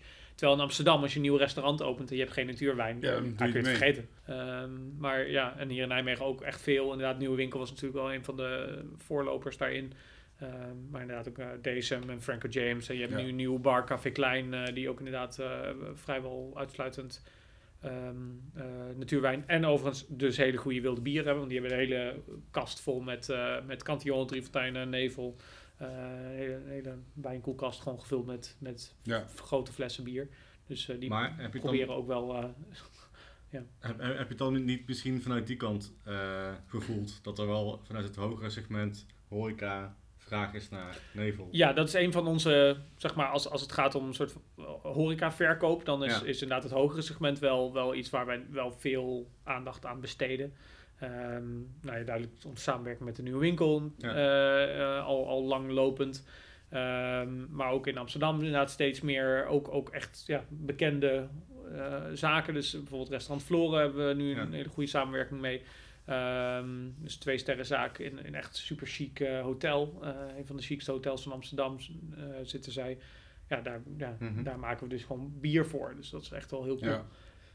Ja, En ik appte jou eh, toen ik bij Zout en Citroen eh, aan tafel zat. inderdaad. Ja. Met een bier en nevel. Wat echt een goede combinatie was ook. Ja. ja, zoute citroen is natuurlijk ook inderdaad aan de weg aan het timmeren Ja. als het gaat om bier eh, pairing. Ja, zeker. Maar je hebt ook steeds meer restaurants die openen die echt om bierpairing gaan. Dus je hebt Veu in Amsterdam, in Utrecht, sorry. Utrecht. Ehm, eh, maar ze hebben ook, ook een restaurant in Amsterdam ook geopend. met naam alleen even kwijt. Ehm, maar, en je hebt in Amsterdam nu ook Pelusa, heet het ja, volgens mij. die hebben ook een Oh ja. bijzondere Ehm, kaart. Ja, eh, die hebben een hele, eh, echt een heel uitgebreid. Ja, die, die wildbier is daar juist echt het thema. Zij, doen, eigenlijk- zij proberen heel erg inderdaad wat wij ook Hm. doen. Ik was daar laatst even langs om even, even kennis te maken. Ehm, ze hadden inderdaad in eerste instantie inderdaad heel, heel erg nog op het exclusieve segment gefocust. Eh, maar ze gaan, als het goed is, hoop ik nu ook wel wat nevel eh, eh, inkopen. Eh, want ze, persoonlijk vonden ze het heel erg lekker. Maar in eerste instantie wouden ze inderdaad al die, zeg maar, de, exclu- Top, ex- de eh, exclusieve, de, ja, de, de dingen die je niet zo makkelijk kan krijgen. Zeg maar. Dat is een beetje ons ding. Van wij zijn dan wel vervolgens, wij, in ieder geval in Nederland zijn wij heel eh, goed verkrijgbaar. Ja, precies. Maar dat- juist is dat een mooie toevoeging. Want als je dus gaat kijken naar eh, wat duurdere flessen, of in ieder geval naar die Ja. flessen die ze dan hebben van Antidote Ja, eh, Een stukje duurder. meteen, ja. meteen 45, 50 euro voor een fles. En jullie zouden daar juist een mooi alternatief voor zijn. Mooi product, maar dan in de horeca voor 15 euro, bij wijze van. ja, ja, niet, niet voor 75 cl, maar ja. Nee, nee, maar Ja. voor een kleiner, Ja. eh, kleiner flesje. Want, want, want daarnet zei dat jullie je vooral richten op de Nederlandse markt, of altijd gedaan hebben. hè? Mhm. Is dat, hoe, hoe is dan die, dat, dat een beetje, ehm, ja, zeg maar, fl- zeg maar flirten met eh, onze, onze zuidenburen in België? Is dat, Nou, we verkochten eerst ook best wel veel in België. Dus eh, nou, nou is dat een beetje aan het teruglopen, maar dat heeft ook wel met, zeg maar, na COVID. Ik bedoel, in heel Europa en in heel de wereld is dit effect. Dus, dus export is wel, eh exportbieren worden wel. eh, maar is, is, die, is die markt nog aan, een beetje aantrekkelijk voor jullie? Of, of, of denken ze daar alleen vooral van, oh ja, ik, nee, ik hou het toch echt bij de Belgische... Nee, we, ehm, juist in België, eh, ehm, veel zeg maar, bierliefhebbers in België kijken ook heel erg naar Nederland. Oké, Eh, zeg maar, je hebt, je, hebt, je hebt natuurlijk, zeg maar, als je even naar de gemiddelde bierdrinker in België kijkt, niet naar Nederland. Die drinken inderdaad gewoon Belgische bier. Maar als je dan Ja. kijkt naar de mensen die echt, echt, zeg maar, speciaal bierliefhebber zijn, of biergeek, of, of hoe je het ook wil noemen, die kijken juist heel erg naar Nederland. Omdat die kennen natuurlijk al die Belgische bieren al Ja. wel. En die hebben zoiets van, ja, eh, ken ik al. Of, eh, weet je wel, een beetje saai. ja precies. En, en kijk ook vervolgens naar. Ja, ik bedoel, je hebt tegenwoordig ook wel wat, wat, wat meer vooruitstrevende natuurlijk Belgische brouwerijen ook wel. Maar Nederland was daar juist daarin, als het gaat om een soort van innovativiteit, wel vooruitstrevender. Ja. Dus, dus heel veel Belgische bierliefhebbers zijn ook heel erg naar Nederland gaan kijken. Dus als we eh, met de abonnees bijvoorbeeld hadden we, we hadden ja, iets van 30 eh, Belgische abonnees. Hm. Dus eh, mensen die in België dus eh, wel graag ook dit willen hebben. En, eh, eerder verkochten we ook voor COVID zeker eh, ook best wel veel bier naar België. Dus dat ging best oké. Dat is nu dus nu even wat minder, maar eh, Ja, wellicht komt het met een nieuwe, met een nieuwe lijn. wie weet. Gaan we reten? Ja, goeie. Ja, hoeft niet, maar eh hè, we Ja.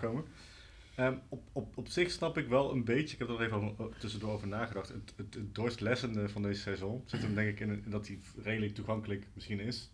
Maar dat, dat is dan Ja, misschien... zoet. Maar, Ja, precies. ja, maar dus, dus dan bedoelen ze misschien wel niet doorslessend, maar goed doordrinkbaar. Doordrinkbaar.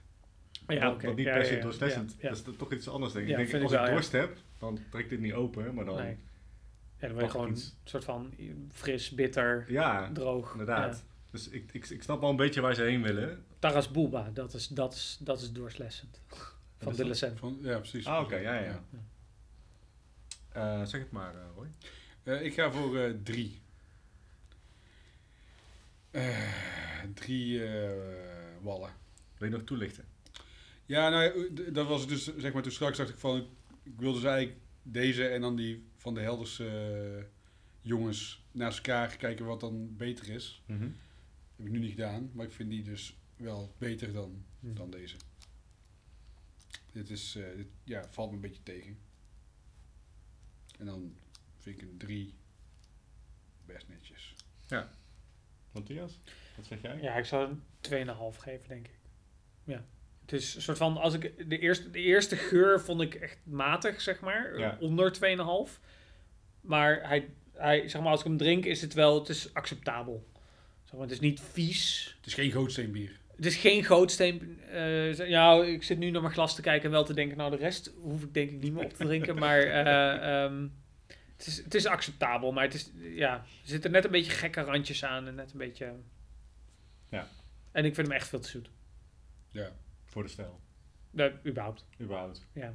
Oh, Ja, stijl. Nou, voor de stijl sowieso. Want als ze zeggen dat het een seizoen is, dan... Ja. En ook als grape ale. Ja, grape ales kunnen natuurlijk kunnen heel zoet zijn. Maar je hebt ook hele droge en hele zure grape ales. Want Dus een grape ale als stijl kun je niet extra van... Die, die, die, die Billy Eilish was ook best wel zoet dan, toch? Dat is niet, niet mijn bier. Nee, dus dan denk ik maar, nee, precies, maar, maar dat is natuurlijk heel anders natuurlijk. Ja, je, je, je, ik, Ja, kan, je kan een persoonlijk raten en je kan op stijl raten. Maar Ja, een grape ale kun je niet op stijl raten als het gaat over zoet. Want Ja, ik bedoel, ja. je hebt zoete grape ales, je hebt zure grape ales. Dat is niet... Ja, Stijl, zeg maar, grape ale als stijl is een heel moeilijk... Net zoals wildbier overigens. Ja. Maar het is een heel moeilijke stijl, omdat er... Je, het kan van alles zijn. Maar, Ja, is zeker. Niet, niet een soort van Ja. heel afgebakende stijl dat je kan zeggen, oh, wel of niet. En ook Mhm. overigens, nou ja, wel over stijl. Ik proef of ruik geen druif. Even een soort van... Nee. Ik heb niet Nee. echt het idee van, oh, dit is druif. Ik heb meer een soort van moutige, zoals je hebt heel erg die zoetige, moutige toetsen en dat Ja. suikerige en die, zeker die karamelmout die er veel in zit. Ja. En een beetje iets gistigs en dan die Play-Doh. ja Maar jij, echt druif, zeg maar, Ja. moi. Ja, want jij zegt inderdaad Play-Doh. Ik, ik, ik heb dan vaak bij die Play-Doh-associatie, of althans bij, jou, bij jouw Play-Doh-associatie, bij jouw Play-Doh-associatie, heb ik juist een beetje een, een, een wat meer we, weeg, eh, snap je wat ik bedoel? Ja. Weeg eh, appel of zo, of, of Mhm. iets wat een beetje zo, ik kan het wel altijd heel lastig uitleggen. Snap je wat ik bedoel met weeg? Ja, ja, Ja. zeker. Ik vind En dat, ook wel... dat, dat heb ik dus, dat, dat, dat vind ik niet zo aantrekkelijk aan, aan bier. Eh, dus ik zou voor, denk ik, eh, ik zit te twijfelen tussen 2,75 of 3. Dus ik ga voor 2,75 denk ik. Ehm, en dan ga ik voor, ehm ehm jeetje, ja, 2,75 eh druiven die ik misschien wat meer had willen zien dan in het bier. Ja. Wat? Oké. Dan gaan we naar het volgende bier. Ja, En jij had... eh, ja, dit moet ik even ergens dumpen in mijn waterglas. Yes. Nu nog eh laatste Een beetje water wel, eh, druppels om... eh, Ja. te spoelen. spoelen. ik heb nog wat. Oh, je hebt nog water. Ik zal die even bijgooien. Ja, we gaan iets van nevel drinken. Ja. Ja, is misschien een beetje stom om eh, bij een botshare je eigen bier mee te nemen, maar... eh, Eh, Dat is eigenlijk wel een beetje de bedoeling vaak als we... Oh, wel? Oké. Ja, komen wel. eh. Ehm, nou ja, een van mijn favoriete bieren is Meander. Dus bier waar we ook eh beste bier van Nederland mee hebben gewonnen. Maar ik heb eh, eh, toevallig laatst iemand die kwam... eh, en die had in de kelder nog van allerlei eh, oude dingen staan van Nevel. Ehm, een van de mensen die ook bij eh, Nevel in ieder geval op de achtergrond een beetje betrokken is. En eh een daarvan was dus de eerste batch Meander. Dus Meander is bier met eh eh, rabarber en zwarte bessenblad. Eh, later in de batch, waar we toen het beste bier van Nederland mee begonnen, hebben we ook vlierbloesem eh, toegevoegd. Heel klein beetje, maar dat heeft deze dus nog niet. Maar dit is dus de, aller, de allereerste uit 2018.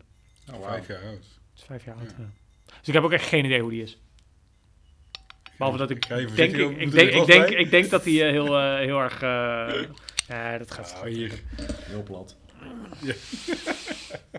Heb je al vaker een dergelijke oude, Ja. oude, oude bier gedronken? Ja, van ja, ja, laatst had ik eh, batch 2 Bast uit 2019. Die was echt nog, die was echt top. Die was echt heel goed. En zou je dat ook aanraden aan mensen? Lekker- lekker- ja, hangt een beetje van het bier af. Ehm, maar de meeste van onze bieren houden dat wel uit. Zeker de houtgerijpte, dus de tankgerijpte bieren niet altijd. Maar de, Mhm. de houtgerijpte bieren, eh, de, sorry, de tankgerijpte bieren houden dat niet zo lang, niet vijf jaar uit. Nee. Maar de houtgerijpte bieren houden dat wel uit. En dan, wat dan? Want ik, ik heb vaak begrepen dat zo'n vijf jaar is een beetje, eh, voor sommigen, ja, dat dikt natuurlijk ook aan eh, s- Mm. een stel bier. Heel zacht. Grappig. De rabarber is echt nog heel merkbaar. Ja, maar hij is heel zacht. Hij is heel zacht, ja. Nou, dat weet ik ook nog wel van deze eerste batch, dat hij niet zo zuur was. Oké, Oh, ja. oh, dus ja. eh, hij, hij is nooit echt heel zuur geweest. Ehm, de, de, de nieuwe batches zijn echt wel zuurder dan deze. Ja, ik heb, dat- heb, ik, heb ik een andere, heb misschien batch 2 of 3 of zo gedronken. Maar die kwam wel echt meer met een meer punch, zeg ja, maar. maar dat had ook wel mee te maken dat onze cultuur toen nog niet zo ontwikkeld was. Dus die eerste houtgerijpte bieren die we hebben uitgebracht waren allemaal niet zo heel zuur. Omdat die, ja, blijkbaar die melkzuurbacteriën waren gewoon nog niet helemaal op stoom, zeg maar. Dus die eerste paar waren helemaal niet zo zuur, waaronder dus deze. Dat is grappig, hè? echt nog heel veel rabarber. Veel, Ja. eh, Bijna nog meer rabarber dan de, dan de nieuwe batches. Ja, ook veel in de neus. Mhm. Ja, heel lekker. Heel zoutig ook. Er zit iets ziltigs. Ziltigs in. Ja. Ja. Wat ik me al heel lang Waar afvraag. is dat dan? Hm? Waar komt dat dan ineens dan? Ik denk ook van de rabarber. Oké, Ja. eh, ja. Gewoon mineralen die, die, in, die, in die eh, rabarber de zitten, grond, denk ik. eh, Wat ik al heel erg lang afvraag, en dan, dan vind ik rabarber niet eens zo'n hele gekke keuze om, om dat in je bier te verwerken. Eh, maar je had het net ook over balst en over eh Japanse, wat was het? Eh, Japanse circuit. Ja, echt hoe, hoe, hoe weet je dat het zeg maar werkt in bier? Want en, en ik bedoel, je kan gewoon testen natuurlijk Mhm. en gewoon testbatches maken en proeven en kijken, oké, dit moet niet een beetje tweaken. Is dat hoe je het doet?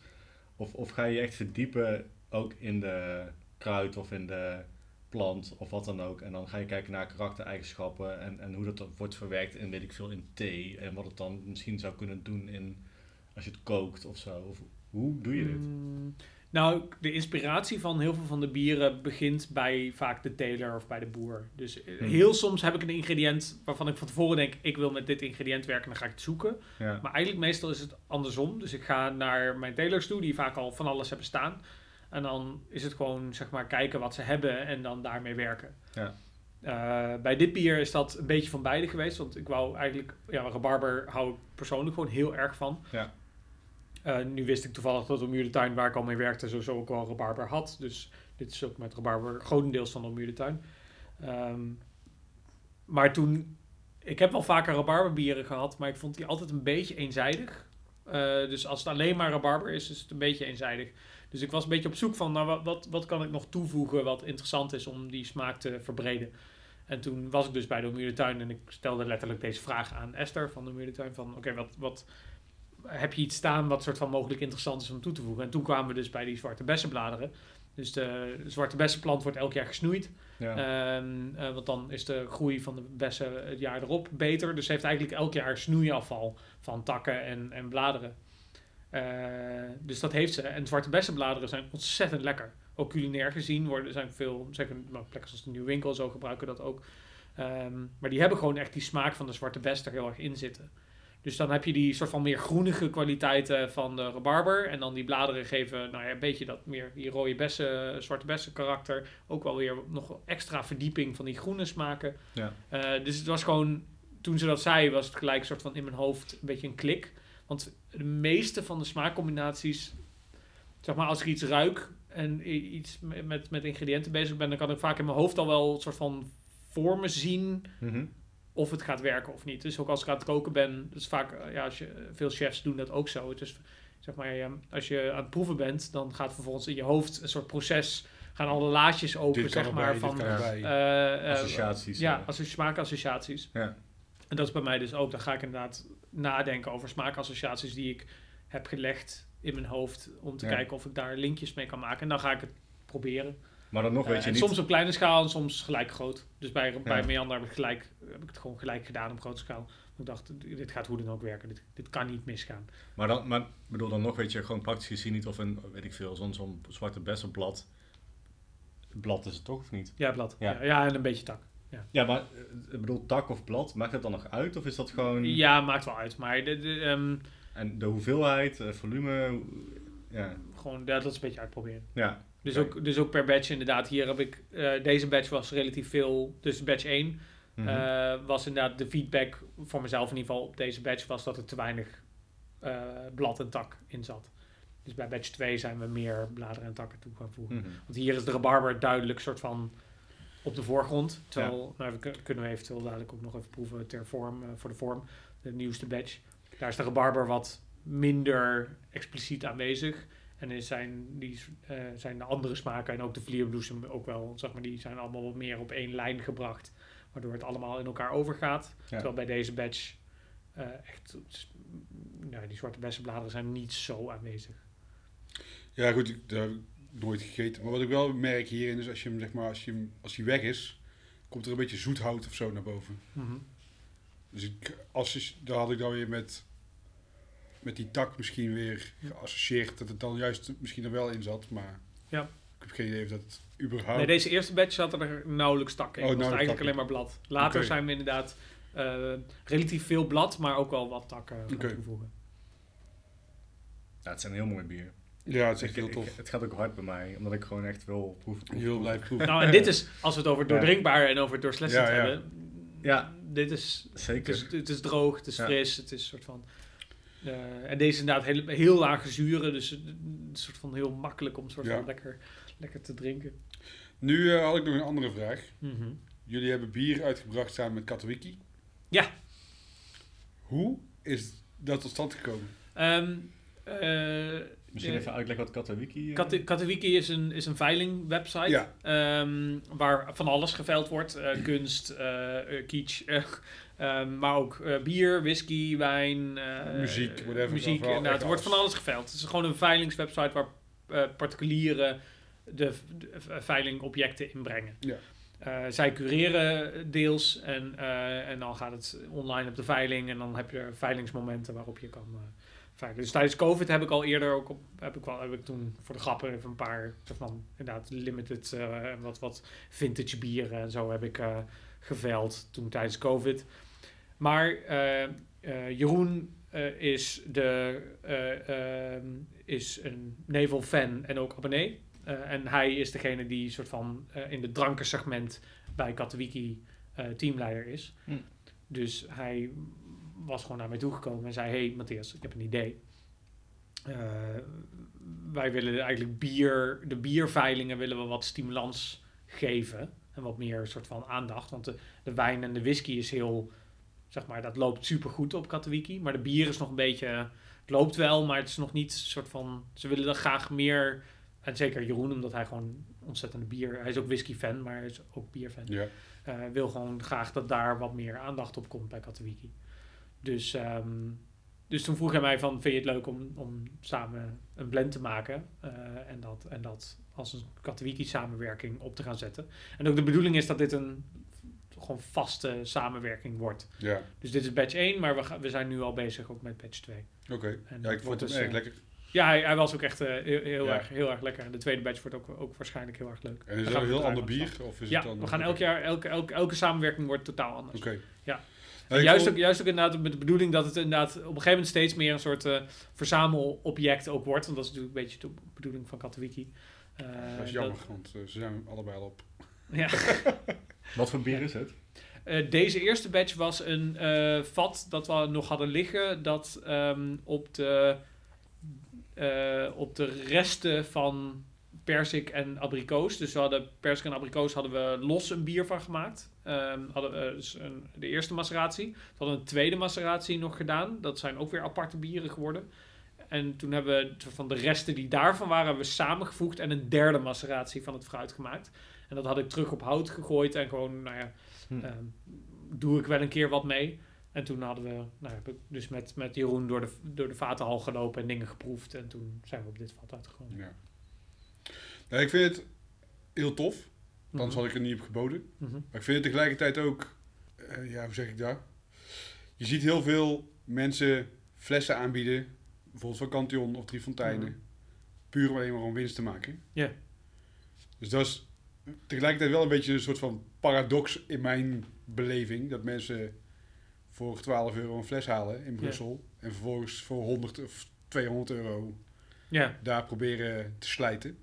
Ja, maar dan is het doorverkoop. En nu is het nee, Ik, nee, ik nee, precies. zelf aan. Nee, nee, dat, Ja. dat is natuurlijk anders. Maar daarom die stimulans, zeg maar. Ja. Van, je hebt aan de ene kant heb je gewoon de doorverkoop. Die gewoon probeert maximaal rendement te krijgen eruit. Ja. En dan nu een Nevel, of misschien in de toekomst ook andere brouwerijen. Die juist hun eh, bier exclusief daarop aanbieden. Mhm. Vind, je, vind je daar zelf iets van? Eh, Of heb je nou heel veel mensen, heel veel sommige mensen hebben moeite met inderdaad die doorverkoop. Ik heb daar aan zich geen moeite mee. Nee. Ik bedoel, als mensen dat ervoor willen betalen, dan ja, dat is een probleem. Ja, oké. Ja, Ja. ja. Ik heb daar niet zo moeite mee. Heel veel mensen hebben daar inderdaad moeite mee van, ja, dat geld gaat niet naar de maker. Maar ja, weet je, dat is ook het probleem van de maker. Als jij gewoon ervoor kiest om exclusief te zijn en niet je bier eh, zo aan te bieden dat iedereen het kan kopen, dan gaan mensen die het echt heel graag willen drinken en niet zo makkelijk naar Cantillon rijden, eh, niet, niet de moeite willen doen om daarheen te rijden. Want dat is voor veel van die releases ja, ja, de enige precies. manier om het te krijgen. Of er zijn twee manieren om het te krijgen. Of je rijdt naar Cantillon. Of dat is even een secundair, voorbeeld. ja. Je rijdt daar naartoe. Of je geeft het vijfvoudige uit om het online te kopen. Ja, precies. Ja, jouw Ja. Keuze. Ja. Als Cantillon dat vervelend vindt, dan moeten ze maar meer bier maken. En, dat, eh, en, het, en ervoor zorgen dat het gewoon hier in de sluiter in Nijmegen precies. te kopen is. Ja, ik weet niet. Ik vind, dat, ik vind dat, ik vind dat van, de, van de makers zelf vind ik dat een beetje hoog, hoogdoenerij. Ja, van, ja, ik weet niet. Nee, oké. ja, dus, Boeit, eh, boeit mij eh, nee. echt geen reet wat mensen. en was je zelf tevreden over wat, jou, wat die eerste beetje dan... Nog niet, dus dat is ook nog een beetje twe- tweaken. Maar goed, wij hebben dan echt ook wel weer zeg maar, de, hele, de hele barrel zeg maar, aangeboden in twee fases. Zeg maar. Eh, en daar was ook wel een beetje de, dat ik met Jeroen over had van ja, ehm, misschien een beetje ehm, enthousiast soort van eh, ingericht. Omdat inderdaad veel van die flessen die aankomen, ja, dat is maar één van die flessen of twee van die flessen op de hele veiling. Eh, maar nu zijn het opeens zeg maar inderdaad twee, keer, twee keer 25 lots, zeg maar, Ja. van ook van vrij veel flessen. Eh, is dat niet een beetje te veel of te grote hoeveelheid in één keer? Eh, ehm, maar goed, eh, Jeroen vond van niet. Maar goed, in, inderdaad, hoeveel er in euro's geboden op was, is niet wat ik er normaal voor zou, zou willen krijgen. Nee, precies. Ja, dat, dat- dat- daar heb ik ook verder ook, ook gewoon goede afspraken met, met Jeroen over. Dus dat voor mij financieel kom ik er sowieso goed nee, uit. precies. Maar ehm, ehm, het, is, het is even testen. Van even kijken Ja. van hoe loopt dit. En, en inderdaad, is dit misschien niet te veel? Moeten we niet kleinere, kleinere volumes aanbieden? Of dat in nog bredere tranches aanbieden? Dat je zegt nu zeg maar zoveel flessen en over een half jaar pas weer, weer wat flessen. En dan Ja. over een half jaar. Zodat je dat wat uitspreidt. Ja, dat je er gewoon niet, eh, niet meteen tien van alles kunt, kunt krijgen. Zoiets, ja. Ja, Zoiets. Dus dat is even... ehm, dat, dat zijn dingen waar we nog even over ja nadenken. precies. Ja. Nou ja, wat ik al zei, ik vond hem eh, erg lekker. Nee, is wel lekker. Ja, dus, eh, en die tweede veiling is inmiddels al afgelopen volgens mij. Ja. Ja, Klopt. helaas. Dus nu hij... eh, Op. Nu is hij op, inderdaad. Ja, misschien, eh, misschien gaan mensen... Want mensen hebben dus, als ze de 75 cel ja, gekocht, ze zes flessen. Ja. Dus misschien eh, komen ze later weer terug op katholiek. Hoewel, volgens mij... Er was één iemand, één, één iemand in de veiling die ehm, uiteindelijk niet had betaald. Oh. Want dat kan natuurlijk. Dus iemand wint de veiling en daarna moet je betalen. Ehm, eh, volgens mij staat er nu nog, as we speak, ehm, een één, één set van 6 keer 75 nog eh, Online. online. Volgens mij, is- volgens mij is die net, net online gegaan. en die loopt nog tot... Nog zeven dagen. Wanneer, wanneer komt deze online? Ja, vrijdag. Dus dat is de laatste dag. Dus als jullie dit kijken, of als jullie, sorry, luisteren. Als jullie dit luisteren, dan kun je nog, eh, Snel... eh, kun je nog bieden op de... Op de En is er dan, is er dan een, zeg maar een eh, vanaf prijs? Eh, hoe werkt nee, dat? dat was bij deze niet, eh, niet mogelijk. Nee. Oké. Maar, maar bij deze had ik dus met Jeroen afspraken over hoe Ja, we dat precies. oplossen verder. Ja, Ehm, dat, was, eh, dat, was, dat, was, Dat was de vraag. Ja, nee, ik, ik was daar gewoon Ja, echt benieuwd naar. ik. ik, nee, vond het, eh, vond het heel tof. Ja, En tegelijkertijd ook een beetje eh, dubbel. Ja. Maar eh, gaan we deze reten? ja, dat kan. Ja, ik vind het Ja, heel ik vind het lekker. heel lekker. Wil je meer? Ja, ik heb wel meer ook. Dat is op zich, eh, dat, Ja. is al, dat is al de beste rating. Zeg maar, even los van, van eh, hoeveel eh, dopjes je het geeft. Als je meer wil. Ja. Zijn jullie nou de enige, want dat las ik on- eh, ook online, de, de, de, de, de enige mixed fermentation eh, brouwerij van Nederland? Nee, Dus gemengde fermentatie. eh, nee. Oké. Kromme Haring doet het ook? Kromme Haring doet het. Tommy-. Tommy, Tommy doet het. Ja. Doet het. Oké. eh, Oedipus doet het. Maar de grootste dan? Ik denk wel de grootste, ja. Misschien is dat het dan. Ja. Oké. Nou ja, de grootste. Oedipus, Heineken. Nee, maar als, je, als, je, als je kijkt naar Nee, eh, snap hoeveel eh, zij uitbrengen Ja. met hun natuur, dat is niet zoveel als wij. Nee. Ik denk overigens in de huidige setup dat Tommy en ik qua volume heel vergelijkbaar zijn. Hm. Alleen Tommy gaat over de hele wereld. Oh, dus zeggen, hoeveel, er, Tommy, hoeveel er hier eh, in Nederland komt, is ja. maar tien, nou, ik weet niet exact de exacte bedrag, weet ik niet, of er exact hoeveel, dat weet ik niet, maar is misschien maar 10 of 15 procent van wat hij maakt, de verkoopt hij hier in Nederland en de rest gaat naar het buitenland. Hij, heeft, hij heeft veel meer het model van een soort van over de hele wereld verspreiden. En dat, eh, Ja. Ik verkoop 95 procent in Nederland en 5 procent in het buitenland. Dus dat, ah, ja, hetzelfde volume, alleen de verspreiding is Ja, precies. precies. Ja, ja. Nou, dan eh, toekomst eh, in dit geval.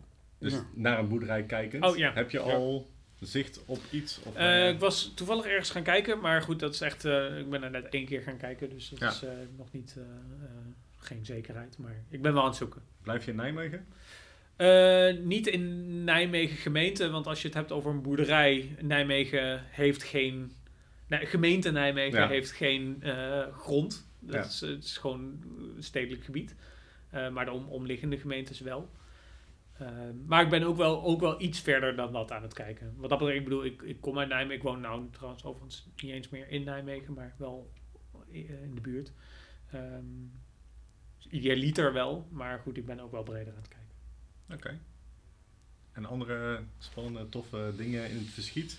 Nou ja, dus eh, de, de winterbieren komen, Ah, zijn ja. nu, nu eh, online. Ehm, eh, maar eigenlijk nog veel belangrijker, je kan je weer opnieuw inschrijven voor, de abon- eh, voor onze abonnementen. Precies, eh, als abonnee kun je je inschrijven. Eh, dus, eh, dus dan krijg je elke drie maanden krijg je een pakket met alle nieuwe bieren. Maar ook bieren die je niet op een andere manier kan krijgen. Dus de single barrel releases. Maar ook soms samenwerkingen met restaurants. eh, en dat soort dingen, die, die komen er ook soms in terug. Dus bieren die je niet echt op een andere manier kan krijgen, die komen, die komen terug in het abonnement. Ik zag dat die half vol was, inmiddels. We zitten al halverwege nu, dus dat is super nice dat het zo snel... eh, het loopt wel echt alweer goed. Dus, eh, maar er mogen nog meer bij, dus eh, eh, join. Ja. Meld je en, eh, aan. meld je aan. Je kan eh, voor het hele jaar betalen, want het is een soort jaarabonnement. Dus vier pakketten in het jaar. Eh, of je kan per, eh, per kwartaal betalen. Tot Dus, wanneer eh, kunnen mensen zich eh, inschrijven? Of eh, nou ja, eh, of tot, het vol, of tot het vol is, maar eh, ehm, eh, meestal druppelt zeg maar, in het begin gaat het heel hard en daarna druppelt nog een beetje vol. En meestal zo halverwege januari eh, is het, Oh, eh, is het eh, vol. Ja. En hoeveel plekken heb je dan, weet je dat? Eh, ehm, 200 heb ik er.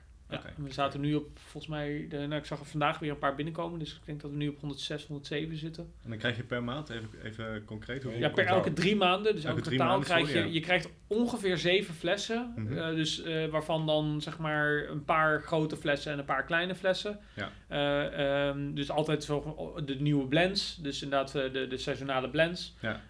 En dan dus die wat single barrels of, of specials of dat soort dingen. Oh, gaaf. Ja, dus dat Ja, is, dat is superleuk. En dus, Ja. nou ja, goed, als je niet eh, gelijk het hele abonnement wil afsluiten, hebben we dus nu ook alle nieuwe bieren die wilt. Dus ons nieuwe huisbier is eh, beschikbaar. Eh, we hebben nu nog een actie overigens met eh, gratis verzending. Ook nog met een pakket met wild en twee andere bieren. En, ehm, eh, en dus de nieuwe, nieuwe seizoensbieren zijn online. Gaaf. Nice. Yes, Dat was jouw pitch. Dat was mijn pitch. Ja. Dankjewel voor de, voor de promo. die ik. Of jouw plug, heb jij nog iets te pluggen?